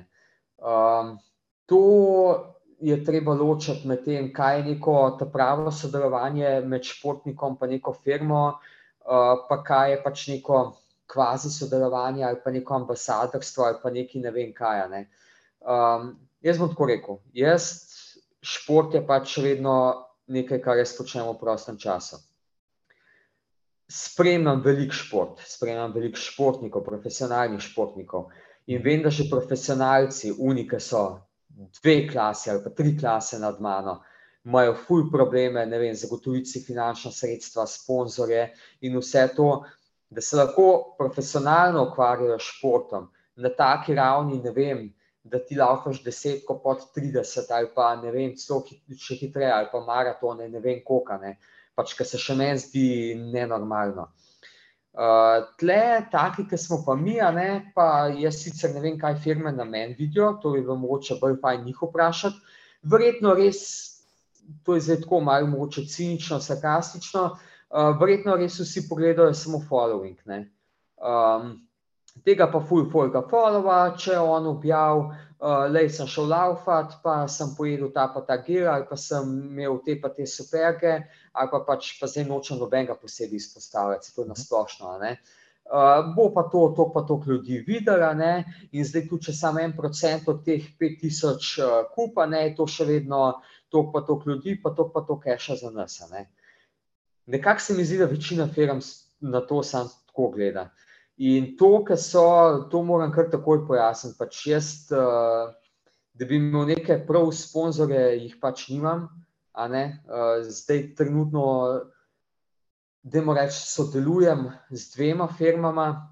Ena je Norsan za omega-3 maščobe, ki je pač eno izmed tretjih dopolnil, ker ga dejansko verjamem in ga znanost podpira. In, um, pač dejansko verjamem v produkt. Uh, drugo pa niti ne vem, če se temu lahko reče sodelovanje, no je pa zdaj pač top for running. To je pa pač imaš tam spletno, eh, spletno prijavo, uh, da se prijaviš za mesto ambasadora in to je pač tako, da dobiš kodo za popust, ti jih promoviraš, uh, promoviraš to kodo in za vsak nakup s to tvojo kodo dobiš en določen del provizije.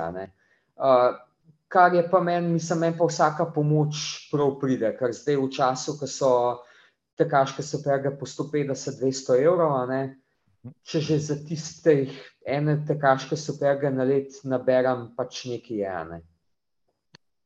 Pošteno, pošteno povedano. Ja. Uh, dejansko. Uh, pa še nekaj bi rekel, no, to sem rekel, ja. prosti, da te prekinjam. Um, Tudi to je treba ločiti, pa to se mi zdi vredno podariti, zato ker to je tako nekako v skladu z nekimi mojimi načeli, pa zdaj, če tle že filozofiram o tem. Jaz sem recimo ena taka oseba, ki se nikoli ne bo prodala za krniki. Mene, če me boste kdaj videli početi to, kar bom zdaj povedal, me lahko, ne vem, na grmadi se škete isto sekundo. Jaz ne bom nikoli, ne vem, v tok promoviral nekih prehranskih dodatkov. V sredo bom prodajal polštre, v četrtek kuhinjske nože, eh, v petek eh, ne vem kaj. Pač jaz, vsi tisti, jaz sem neizmerno hvaležen vsakmu, se pravi, ki mi kakorkoli pač pomaga. Ali ne vem.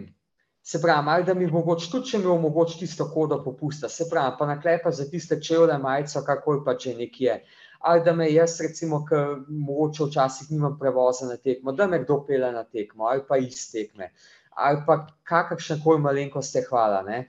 Ampak ni pa to, da bi se pa kar prodal zdaj, prodal svojo dušo za vsazga ne? Um, in tam promoviral kar ene bedarije, v kere ne verjamem. Jaz bom pač vedno sodeloval samo s tistimi, katerih produkte dejansko uporabljam um, in v katere stvari pač dejansko verjamem. Ne? to se mi zdi vredno poudariti. Pač. In tukaj nekateri pa vem, da niso taki. Ne.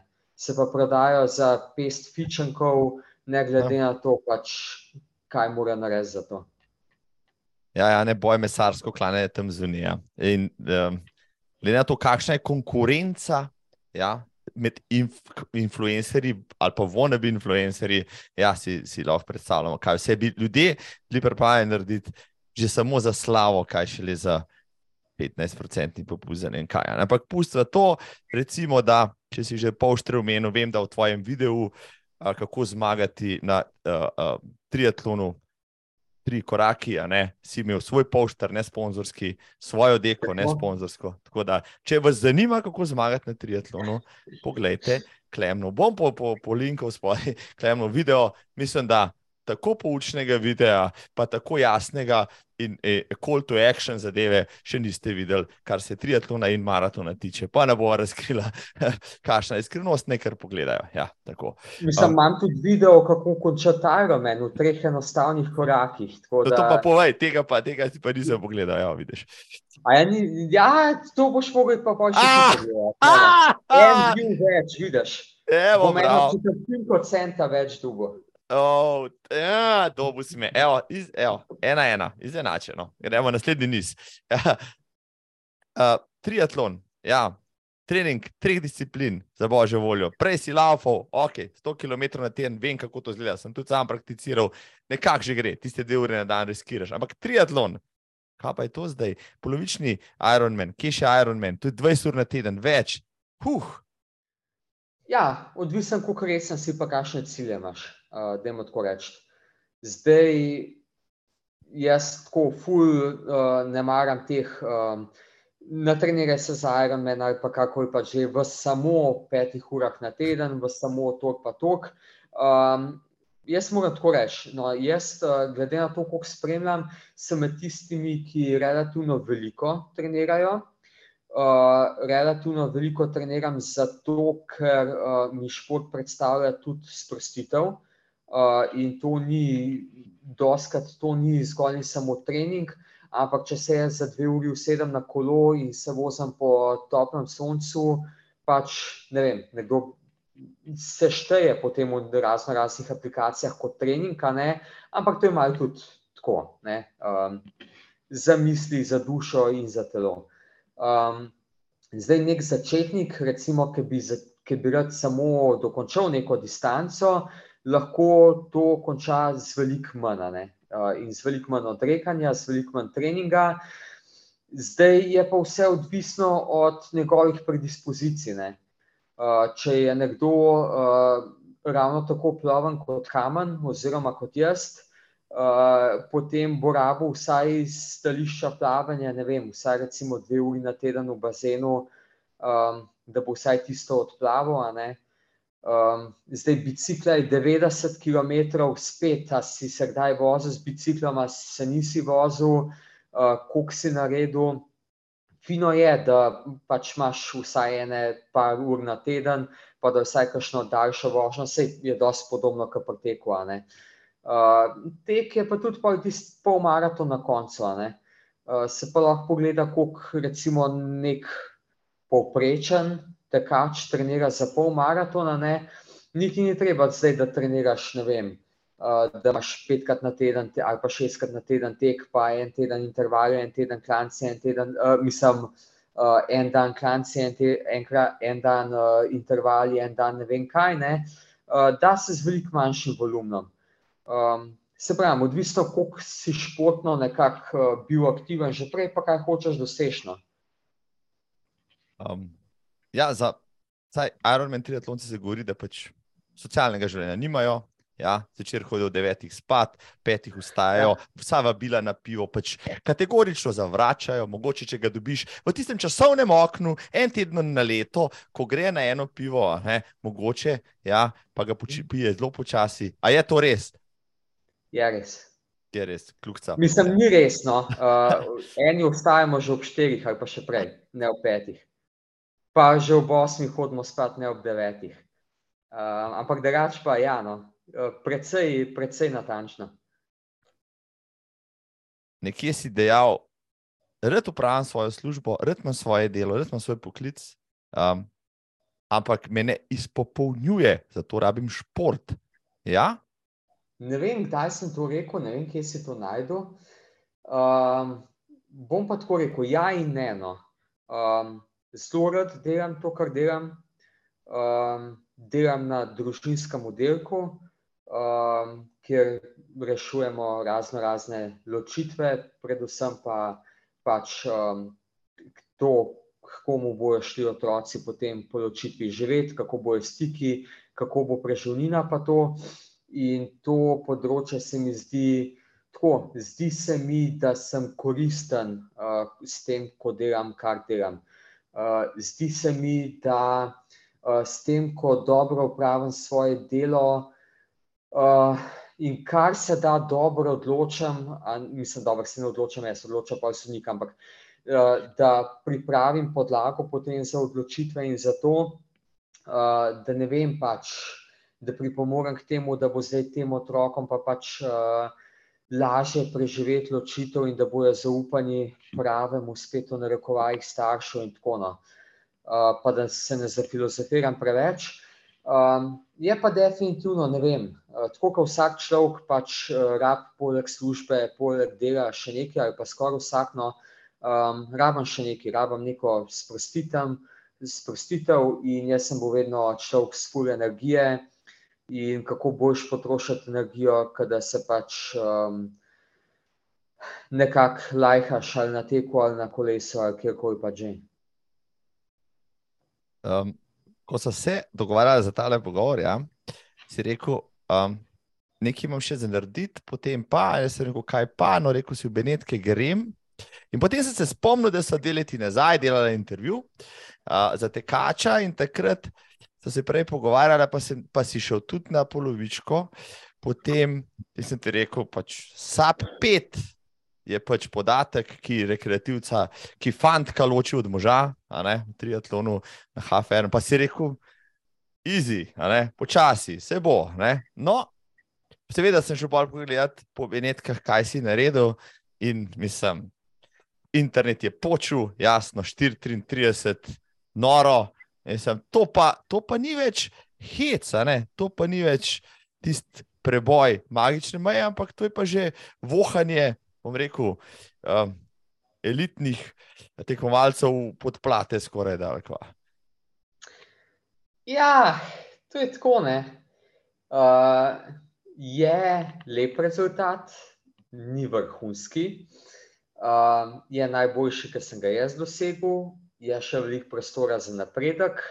Uh, tako da je v bistvu vse naenkrat, definitivno, glede na Glede na to, da sem jaz še dobri dve leti, dve leti pa pol triatlonc, um, glede na to, kar sem prej rekla, glede na moje izkušnje, zlasti v vodi, uh, je moja progresija zelo lepa. Ne? Takrat, ko sem delala za tekača, ja, kot se rekel, se ne spomnim niti točno, koliko časa nazaj je bilo, ampak če praviš dve leti nazaj, ti verjamem. Uh, takrat sem šel verjetno potem v Koper, Uh, in takrat vem, da v Kopru v zadnje leto, ker je bila tam tekma, sem šel 5 ur, pa 8 minut, pa še nekaj.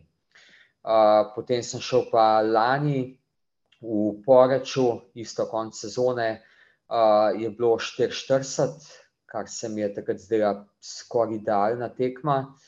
Um, potem pa zdaj smo pa na 433, ja. uh, s tem, da ta tekma se mi zdi pa tako no nekako imam feeling, da nisem dal vse od sebe, čeprav sem imel, ko sem prišel v cilj, občutek, da sem tekmo dosti idealno izpeljal.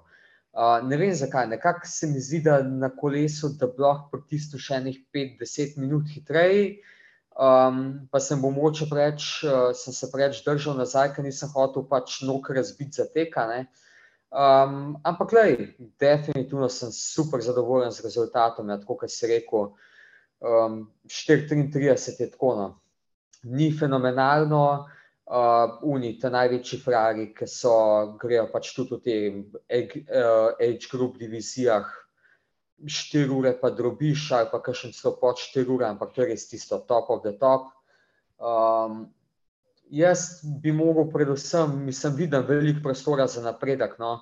Uh, tako da si upam trditi, da to še ni, še ni moj najboljši rezultat, ki ga bom dosegel. Um, ampak ja, um, je tako, kot sem prej rekel, pri Berlinskem maratonu. No. Te benetke so bile spet. Ko prideš v cilj ne, in spet uh, to, kar si prej rekel, 20 ur na teden treniranja, pa vstajanje ob 4 zjutraj, uh, da si 15-4 že na kolesu, pa uh, je ponedeljek, pa pridejo pa tvoji sodelavci v ponedeljek uh, ob sedmih zjutraj v službo. Jo, sem tako zaspan, jo, sem tako ne vem kaj, jo, nisem mogel iz posla vstati. Ti pa veš, da smo že dve uri kolesa zjutraj, ne, ali pa ne, da si že pol maratona odlaufu, ali pa ne vem, neko tako bedarijo naredil. Ne. Je pa to, da se potem to nekje pozna, je pa krno jaz, recimo, pojma nimam o, o, o plavanju, tako da mi tisti časi nič ne pomenijo. V kolesu, recimo, za tem kveč, ampak še zmeraj nič. Ne? Vem, da na menjavah se da veliko dobiti, pa veliko izgubiti. Ampak vem pa to kot tekel, da če. Vem, da si iz tekaških logov prišel da bo vse. Ena sedemnajst polovičko odlaufati na koncu polovičnega Ironmana je fucking hudo. Zdaj vem, da imaš rezerve na kolesu, si rekel na menjavah, rečemo, kakšen zaveslaj, hitrejši, morda. Ampak ena, sedemnajst na polovički, pa dve leti nazaj so govorili, ko se je rekel, eno polovičko bi rad tekel od uro 20, da vidim, kako hitro gre, zdaj pa na polovične maje, ne vem, ena, sedemnajst, mislim, za božjo voljo. Kok, uh, mislim, kam, tle sem rekel, pol, res napredek, tu pa začne. Tisti dekači, ki to poslušajo, da boste znali, da to perspektivo dosežek 4-33, ki vam mogoče nič ne pomeni. Ne? Ampak za 4-15, recimo, moš pa teč, ne vem, ne predstavljam si 1-14, kaj to je pa, mislim. Uh, se, uh, to je tako, ne. Jaz sem imel zdaj natančno, ne vem, tako da ne me držati za besedo. Ampak v bistvu, recimo, če gre za 4-15, ni na teku sploh tok uh, rezerve. Jaz sem imel, mislim, da skupno tam ene top 10, si upam, da troko v ogen, ampak tam mislim, da sem v sedmi, osmi najboljši takaški del od vseh, kljub temu, da sem bil no, skupno gledano, ne vem, 200 pa še nekaj. Ne.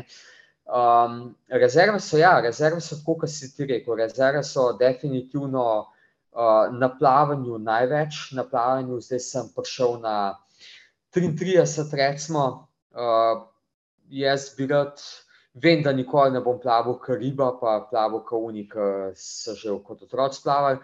Ampak, če bi tam nek, recimo, tiste tri minute še stisnil, da bi tam okoli 30 minut plaval, uh, bi bil še zelo zadovoljen.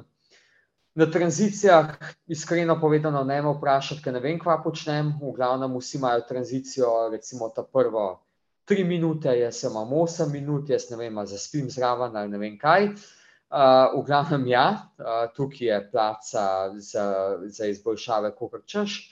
Um, pa na kolesu, pa tudi ne. Kolo je pa, kaj pa vem, se kolo je pa never-ending story. Sam kolo je pa tudi dosta uh, finančno pogojeno. Uh, ko je kolo je pa ni samo moč, ampak je dosta tudi aerodinamika in vse to. In potem prideš do tega, da ti voziš cestno kolo, ta največji frajerji. Mislim, pač hitreje, ki greš, manjše so te razlike, ne? manj je prostora za napredek in manj to. Ne? Potem lahko greš res v tiste detajle. Ne? Uh, in jaz sem vozil recimo 2-30, unike so najboljši vozijo, ne vem, 2-5, 2-10. Um, in zdaj za teh 20 minut, da dobiš, ne pa če ok, se nekje je tudi moč, valjda. Ampak nekje je pa tudi aerodinamika, ne? kako ti švigaš uh, švigaš skozi prostor. Um, in se pravi, jaz imam cestno kolo, letos prvič sem še uh, nekako uh, dosti prešparil, da sem si tiste črdove aerobare kupil, uh, tisti nastavki, ki so, da si potem malo bolj ležeča, ne, da malo boljš poziš. Uh, Unike so imajo tip-top triatlonska kolesa za 10 jurjev, pa še več, uh, komponente top, um, ne vem, razno razno testiranja za aerodinamiko in vse te zadeve. Um, tako da ne vem, tle se mi zdi, da pač tle je tudi veliko prostora za napredek, sam to bo treba iti postopoma, pa postopoma naprej graditi. Čez vikend, ki prihaja, ko tole snema, bo se ne motim v celovcu, Ironman, bo šel kaj pogledat, po firmce se odpeljati, mogoče s kolesom do tega. Ne bom šel. Uh, ne bom šel zato, ker. Kaj pa vem, zakaj? Iskreno povedano, me niti toliko ne zanima, da bi šel kaj v živo, uh, ker te Ironman dogodki tako so posebni, ampak niso pa spet nič tako posebnega, ker ali pa dva doživiš.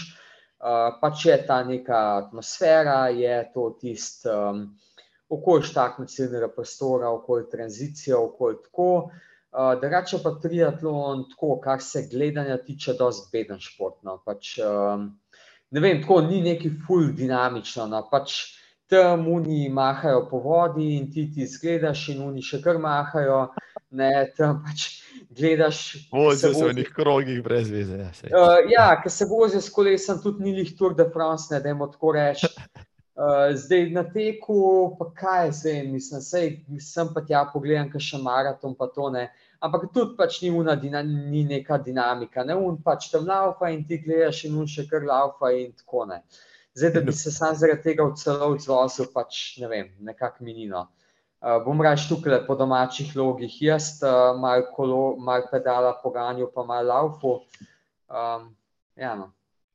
Se pravi, okay, tvoja trajektorija športna je zdaj, da izpiliš tole svojo tehniko, um, pa tranzicije, pa vse ostalo, da postaneš uh, polnokrvni Ironman. Ja, tako ga narediš po desetimi urami, kar se zdaj že kar se v tebi pričakuje, ja, glede na to, kaj delaš na polovički. Ok, zdaj ti prešer vršim, pa vem, da ti je vse en, kaj ti vršim, ampak vse mi všeč, da ga vršim. Potem pa se spet lotiš moče maratona, pa ga vtečeš 2,39 ali pa kaj tasga, no, ker pa boš pa spet rabu nek tekaški izziv ali kako. Moj takoj naslednji cilj ni še Ironman, ampak moj takoj naslednji cilj je uh, polovičko izpiliti do te mere, da se uvrstim na svetovno prvenstvo. Hmm. To je en tak cilj, ki pač kaj zvem, vse sem eno desetkrat če povedal, ampak jaz si pač rad zastavljam visoke cilje.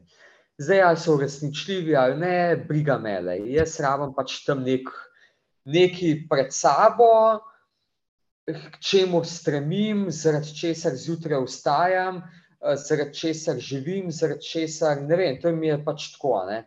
Um, in se pravi, jaz, jaz verjamem, da to lahko dosežem. No?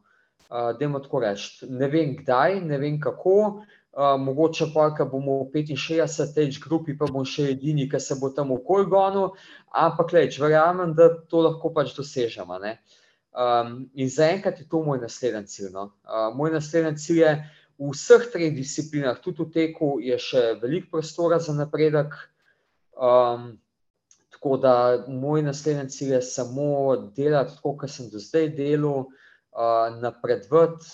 Um, pa pa jaz nimam tako, jaz mogoče imam nekaj sicer zunanje cilje.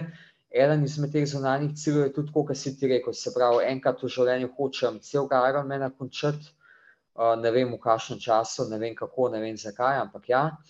Um, mene predvsem zanima, kako daleč lahko jaz pridem. Se pravi, kako hitro lahko jaz ker glede na to, um, kako sem videl, kako sem se jaz obnašal, ne vem, pri futbalu, pa ker smo imeli špor, na športni vzgoji, atletke, košarke, ne vem kaj. Jaz nisem nek talent za šport. Jaz sem mogoče talent za šport. Uh, sam z tega vidika, da sem trmast kabrk in da ne popustim, in da tudi, ker me že vse boli, in ker mislim, da mi je noge odpadle, še kar laufam ali pa, ali pa gonam ali pa karkoli pa če.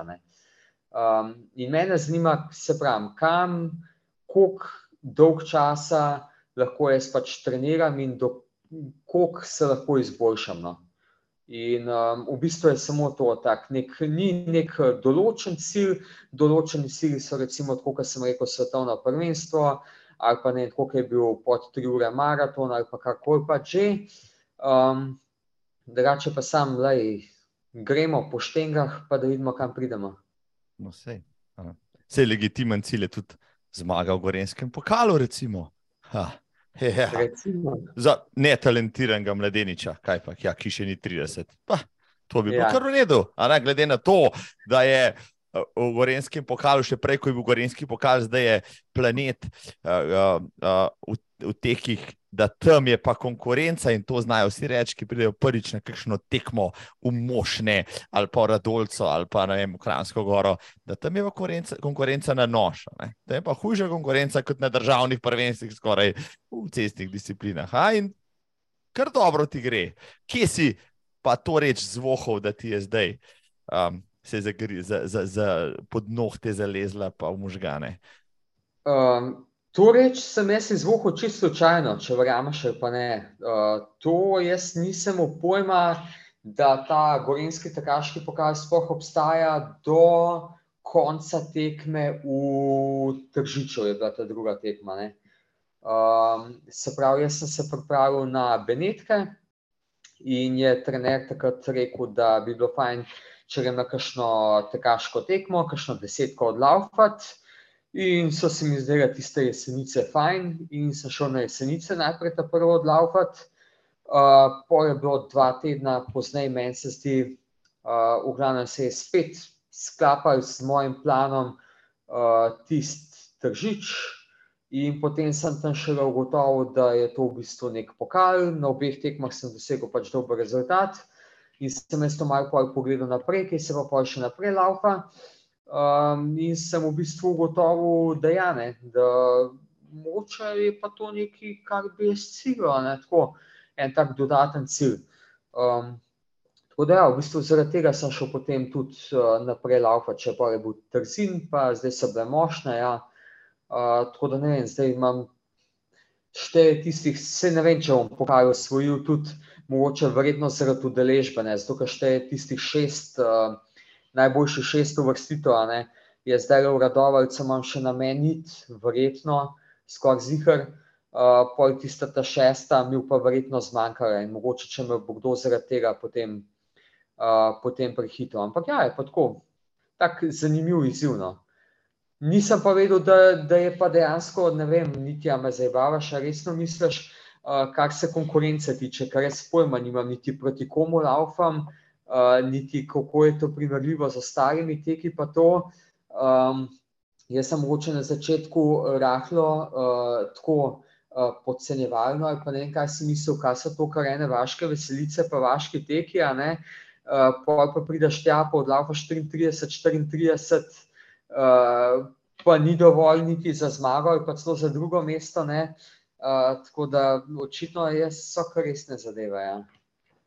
Uh, ja. Ta pokal ima tradicijo in se jo drži, kljub temu, da se generacije tekačev menjajo, oziroma da tisti, ki so zmagovali pred 20 leti, so pač že v, v, v age grupu 55, plus, ampak še zmeraj se grebejo, še zmeraj se grizejo se za sekunde s tistimi, drugimi, ne, ki so imeli tudi zamenjane kolke, to sploh ni važno pa znucane, hilke, strgane, to ni važno. Na Gorenski pokal se gre in se gre do, do daske. In jaz sem šel na par tekem pred leti, pa sem se mal hecal, pa sem jih slišal, fantov, da to pa ne gre, da se lahko zdaj bavam na Ljubljanskem maratonu, lahko se zdaj bavam v Berlinu, ampak tlele. Se da pa vse od sebe, ali pa si ne spoštljiv do, te, do tekmovalcev, so tekmovalcev. Tako da to, da veš. In, um, zdaj te pa že, piškuri, debeljaki, porente, pa že malo vejo, kdo je pa uh, klemen šuligoj, ki pride. Pa jim pomešaš trene. A, ti, že, ti že fanti pokimajo, pa te že povprašajo, pa te že malo gledajo s spoštovanjem. Ja, to ne vem, zato ker jaz se uživo z nobenim nisem še pogovarjal, skoraj da nič ne. Um, bi bil pa zelo vesel, no, se s kom pomeni. Pač, čestitamo si tam v cilju, Um, jaz se pravim, jaz pač vsak, ki pride na tek, pa odlaufa tako fenomenalno. Mislim, to je tako. Za rekreativce, mi, ki smo, so to že fenomenalni časi, lahko rečemo. Um, jaz vsakega spoštujem, jaz vsakmu se pravim, v cilju roko stisnem. Zdaj, kako oni name gledajo, se pravim, ne vem, ker do mene še nobeni tako prav resno pristopil. Um, Ampak ja, fanti, laufa in tudi, ki si rekel, da se gre do daske.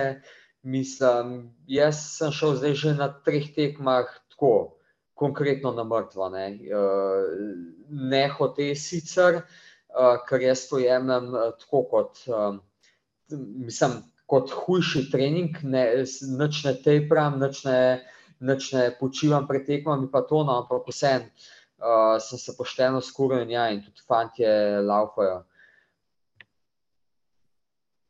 Dele bodo to poslušali, ne? Si beležala. Ha, rekel je, da ga ne bo v Kransko goro, v redu, ja, dobro je, ok, zdaj imamo še šanso, tri točke tle, pet točk tam. No, se vem, da si to taktično povedal, ja, da si jih zmedel, tako da zdaj ne bo nič jasno. Ja, uh, tem konkurentom res ja, je časna zmaga, zmaga v Gorenskem pokalu in ti kot novinec, ne, med to smetano.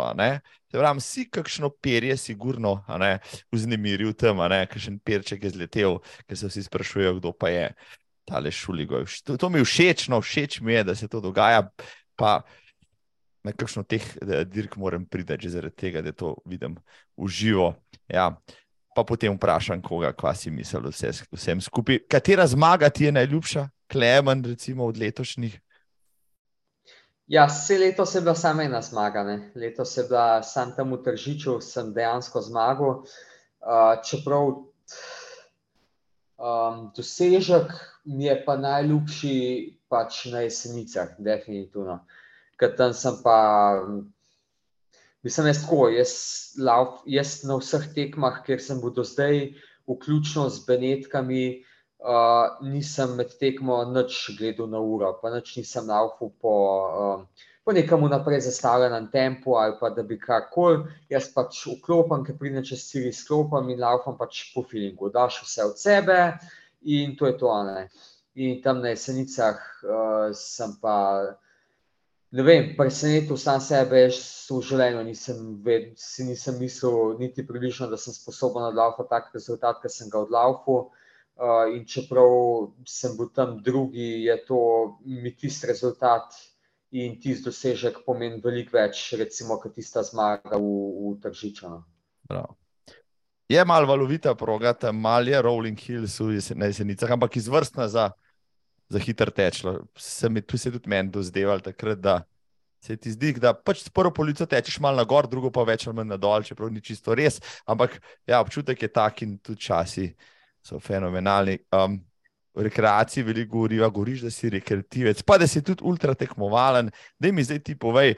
Um, Rekreacija, tekmovalnost, to gre eno za drugim, ali ni, ali smo preveč obsedeni Eh, tisti, ki hodimo na tekme, pa gledamo na ure, pa segmente na stravi, čekiramo.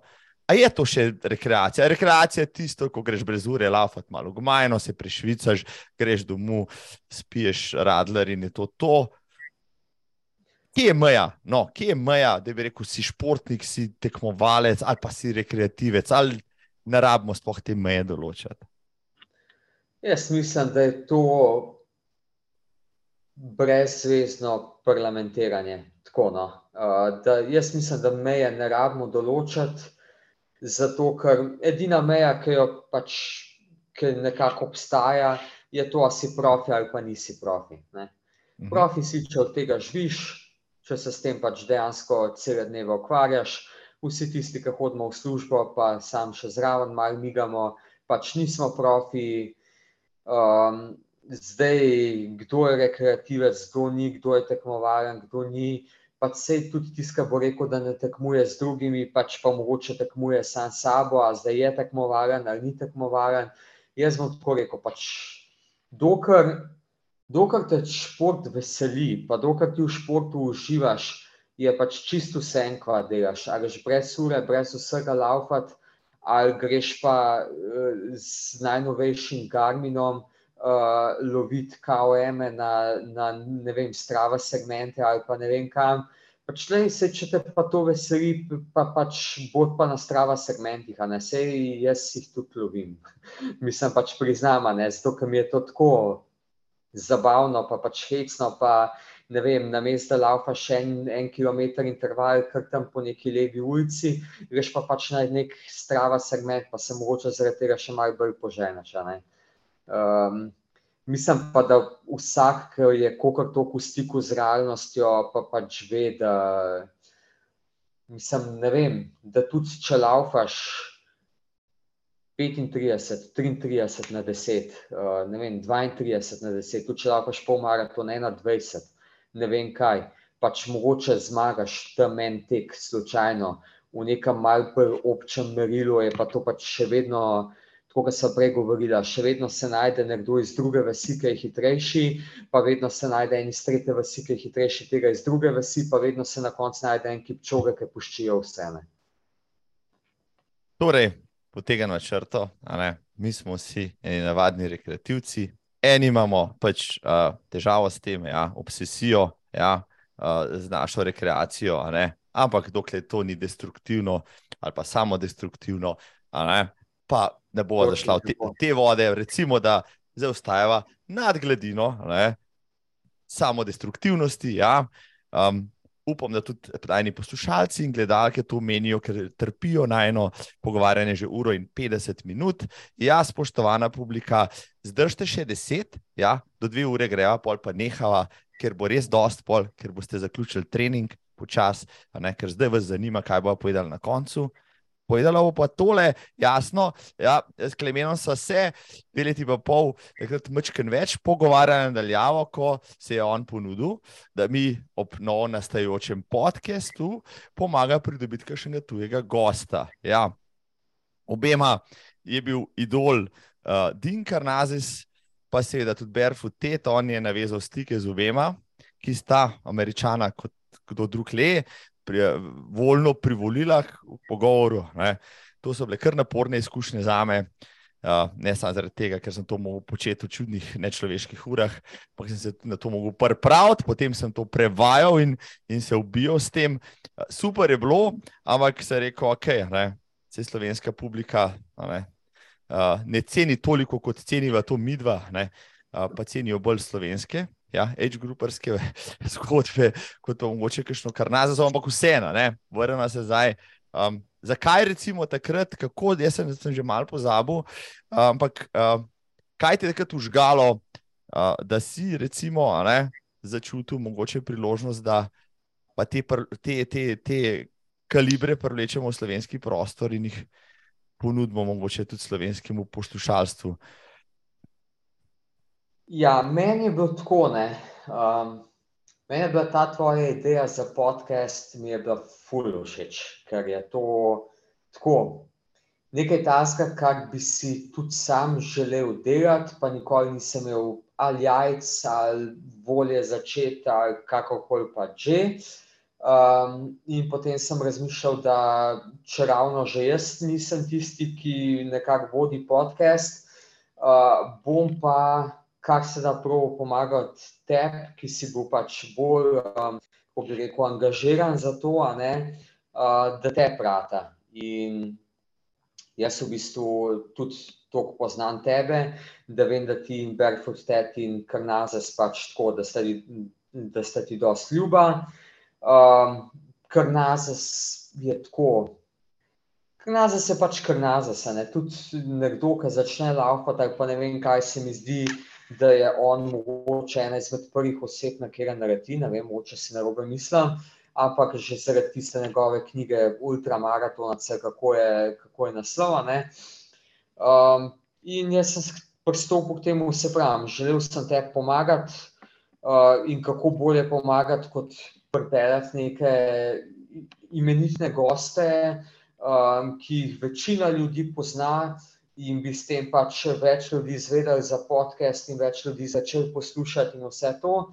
Um, in tako je v bistvu izkrila ideja in sem rekel, pač dajmo probati. Um, ja. Jaz si ne bi, recimo, drznil, da bi tako veliko potezan in da si še danes hvaležen, da si ti naredil ta korak, um, da sem pač bil vržen v to vodo in sem pač mogel ne, s svojimi idoli uh, uh, se pogovarjati. Ne? Pa sem, vse pol vidiš, da so to tako kot mi dva, ne? ljudje, ki imajo iste uh, traumatične momente, ko morajo iti laufati na srednjo noči, zato ker drugačni časa, pa iste bolečine v levi mečni mišici. Ko naredijo kakšen kilometr po soncu, preveč pa niso mislili na hidracijo, karkoli že. No. Um, pa še američani so super, je bilo. Uh, ti si imel pa še nekaj predlogov, pa sem jaz rekel, lej, če hočeš, da je to še nekaj časa dela, ne, relax. Ne. Um, zdaj ne bom rekel, ne, če mi zrihtaš kipčoge, ja, ne, ga bom podelal, ampak ja, hecam se, vse kipčoge se ne oglaša. Pač uh, vsakemu podcasterju, on najbrž za svoje intervjuje računa, kaj pa vem. No, ampak zdaj kdo pa še hoče poslušati Kipčoge, ki bil tu neslavno poražen v Bostonu, mislim, kdo je zdaj Kipčoge, ne? zdaj Kelvin Kiptum, tisti, hecam se, hecam se, Eliot, Faca, sorry, lej, dobrodošel, lej, če ti bo slučajno Klemen napisal mail, da je saj lepo napiš, hvala, se pripravljam na New York naslednjič. Ja. Ja, jaz upam, da te ne bo poslušal. No. Zato, ker, uh, jaz, sem da, jaz sem tako, dost nor, da bi mu res mogoče še en mesec poslal. Um, tako da, kaj pa veš, da mogoče dobiš še enega goloba pismo noša iz Kenije ali pa iz ne vem kje že. Ti, eh, ti, ti si moj, da ne reči, ti si moj, ja, uh, um, tale vezist, ja, človek za komunikacije z, z, z svetom visoke atletike, tako da le prosto. Ja. Zakaj pa ne? Eliot, če imaš četrt ure časa, dobiš vprašanje naprej, enega, se tudi tako on dolg časa govori, pa bomo to naredili še za slovensko publiko. Um, Klemane si videl, ne? kako hitro mine ta dve urici, pa samo malo sva čvekala. Ja. Eni, Če bi se potekel tako hitro minil. Tem, až kje pa, no, ko si počasen, ko si počasen, kot jaz, zdaj, ne, zmer poteka, pre, pre, prehitro vse teče ura. Gledaš uro, pak, danes nam šlo po dve uri, ampak pustimo zdaj to, a ne, eni pač, ko bi rekel, parafraziram uh, znani rek, nekdo je rekel, pač ne, eni gonijo jezik, eni gonijo kolo, eni pač se pa gonijo tam zunaj, pač za dekleti, recimo. No? Ja? Um, Nekaj mi je znano, ja, da bi to danes že slišal. a, mislim, da, ja, mislim, da so, moče so oba dva videla isti, moče je bilo na Instagramu, v Rilsih, kaj pa veš. Super pogovor je bil tole, jaz sem res užival. Govorili bi lahko recimo še dva, dve uri, pa še dve uri, pa mislim, da še bova kdaj, ker ima še veliko tem za obdelati. Ja? Um, mogoče takrat boš snedel Iron, ali pa še prej, ali pa takrat, ko bo Kipčoge, bova skupaj ga obdelala. Recimo. Um, eno vprašanje imam še za te, Ej, samo eno. Ja, da res polni dve uri. Glede na to, da boš drugo leto dopolnil okroglih 30 let, ne, sigurno imaš že kakšno treparijo pripravljeno za to, da proslaviš svoj prehod v res pravo odraslost. Ja ali ne? Precenjuješ me, noč nimam. Dobro, si imaš še Nisem čas. še. Um, mal, mah, ja, čas je še, uh, tudi po moje, da bi mi znal kakšen uh, prvovrsten idiotizem na glavo past, ampak um, moram tako reči, no, da jaz ne dajem veliko na te razne, razne rojstne dneve, obletnice, pa to, um, ne vem. Uh, ne zdi se mi tudi pretekla leta, nisem prav posebej praznoval razno, raznih teh um, jubilejev in tega. Um, tako da ne vem, še kaj se bom zmislil. No. Uh, zdaj, trenutno imam en drug, malo večji cilj uh, pred sabo še uh, za to sezono. To naj zaenkrat ostane še skrivnostno, ker tudi uh, razen mene še nihče drug ne ve, ampak ja. Um, potem, ko bom pa to oddelal, pa bo pa dolga zima, dolga zimska ulica, kako so že rekli, ne, um, bo pa idealno, idealni pogoj za razmišljanje, za tuhtanje. Um, tako da bomo videli, Bog ve, če se sem spomnil. Ne na to, kaj si že počenjal, ja, doslej, recimo teku tri virtualne maratone, enega za drugim med korono, ne, ali pa polovičke ob dveh zjutraj, um, ali pa vem, odlaufal petko v 17 minutah čistko za trening. Mislim, dajte, pogledajte na človekovo stravo, pa Instagrama, ne, pa se napajete, dobivate, dobivate motivacijo, vse ostalo, ja, tako kot jo jaz, no jaz, jaz z veseljem sledim. Teaser si dal na koncu, kako bolje zaključiti tole epizodo kot s teaserjem.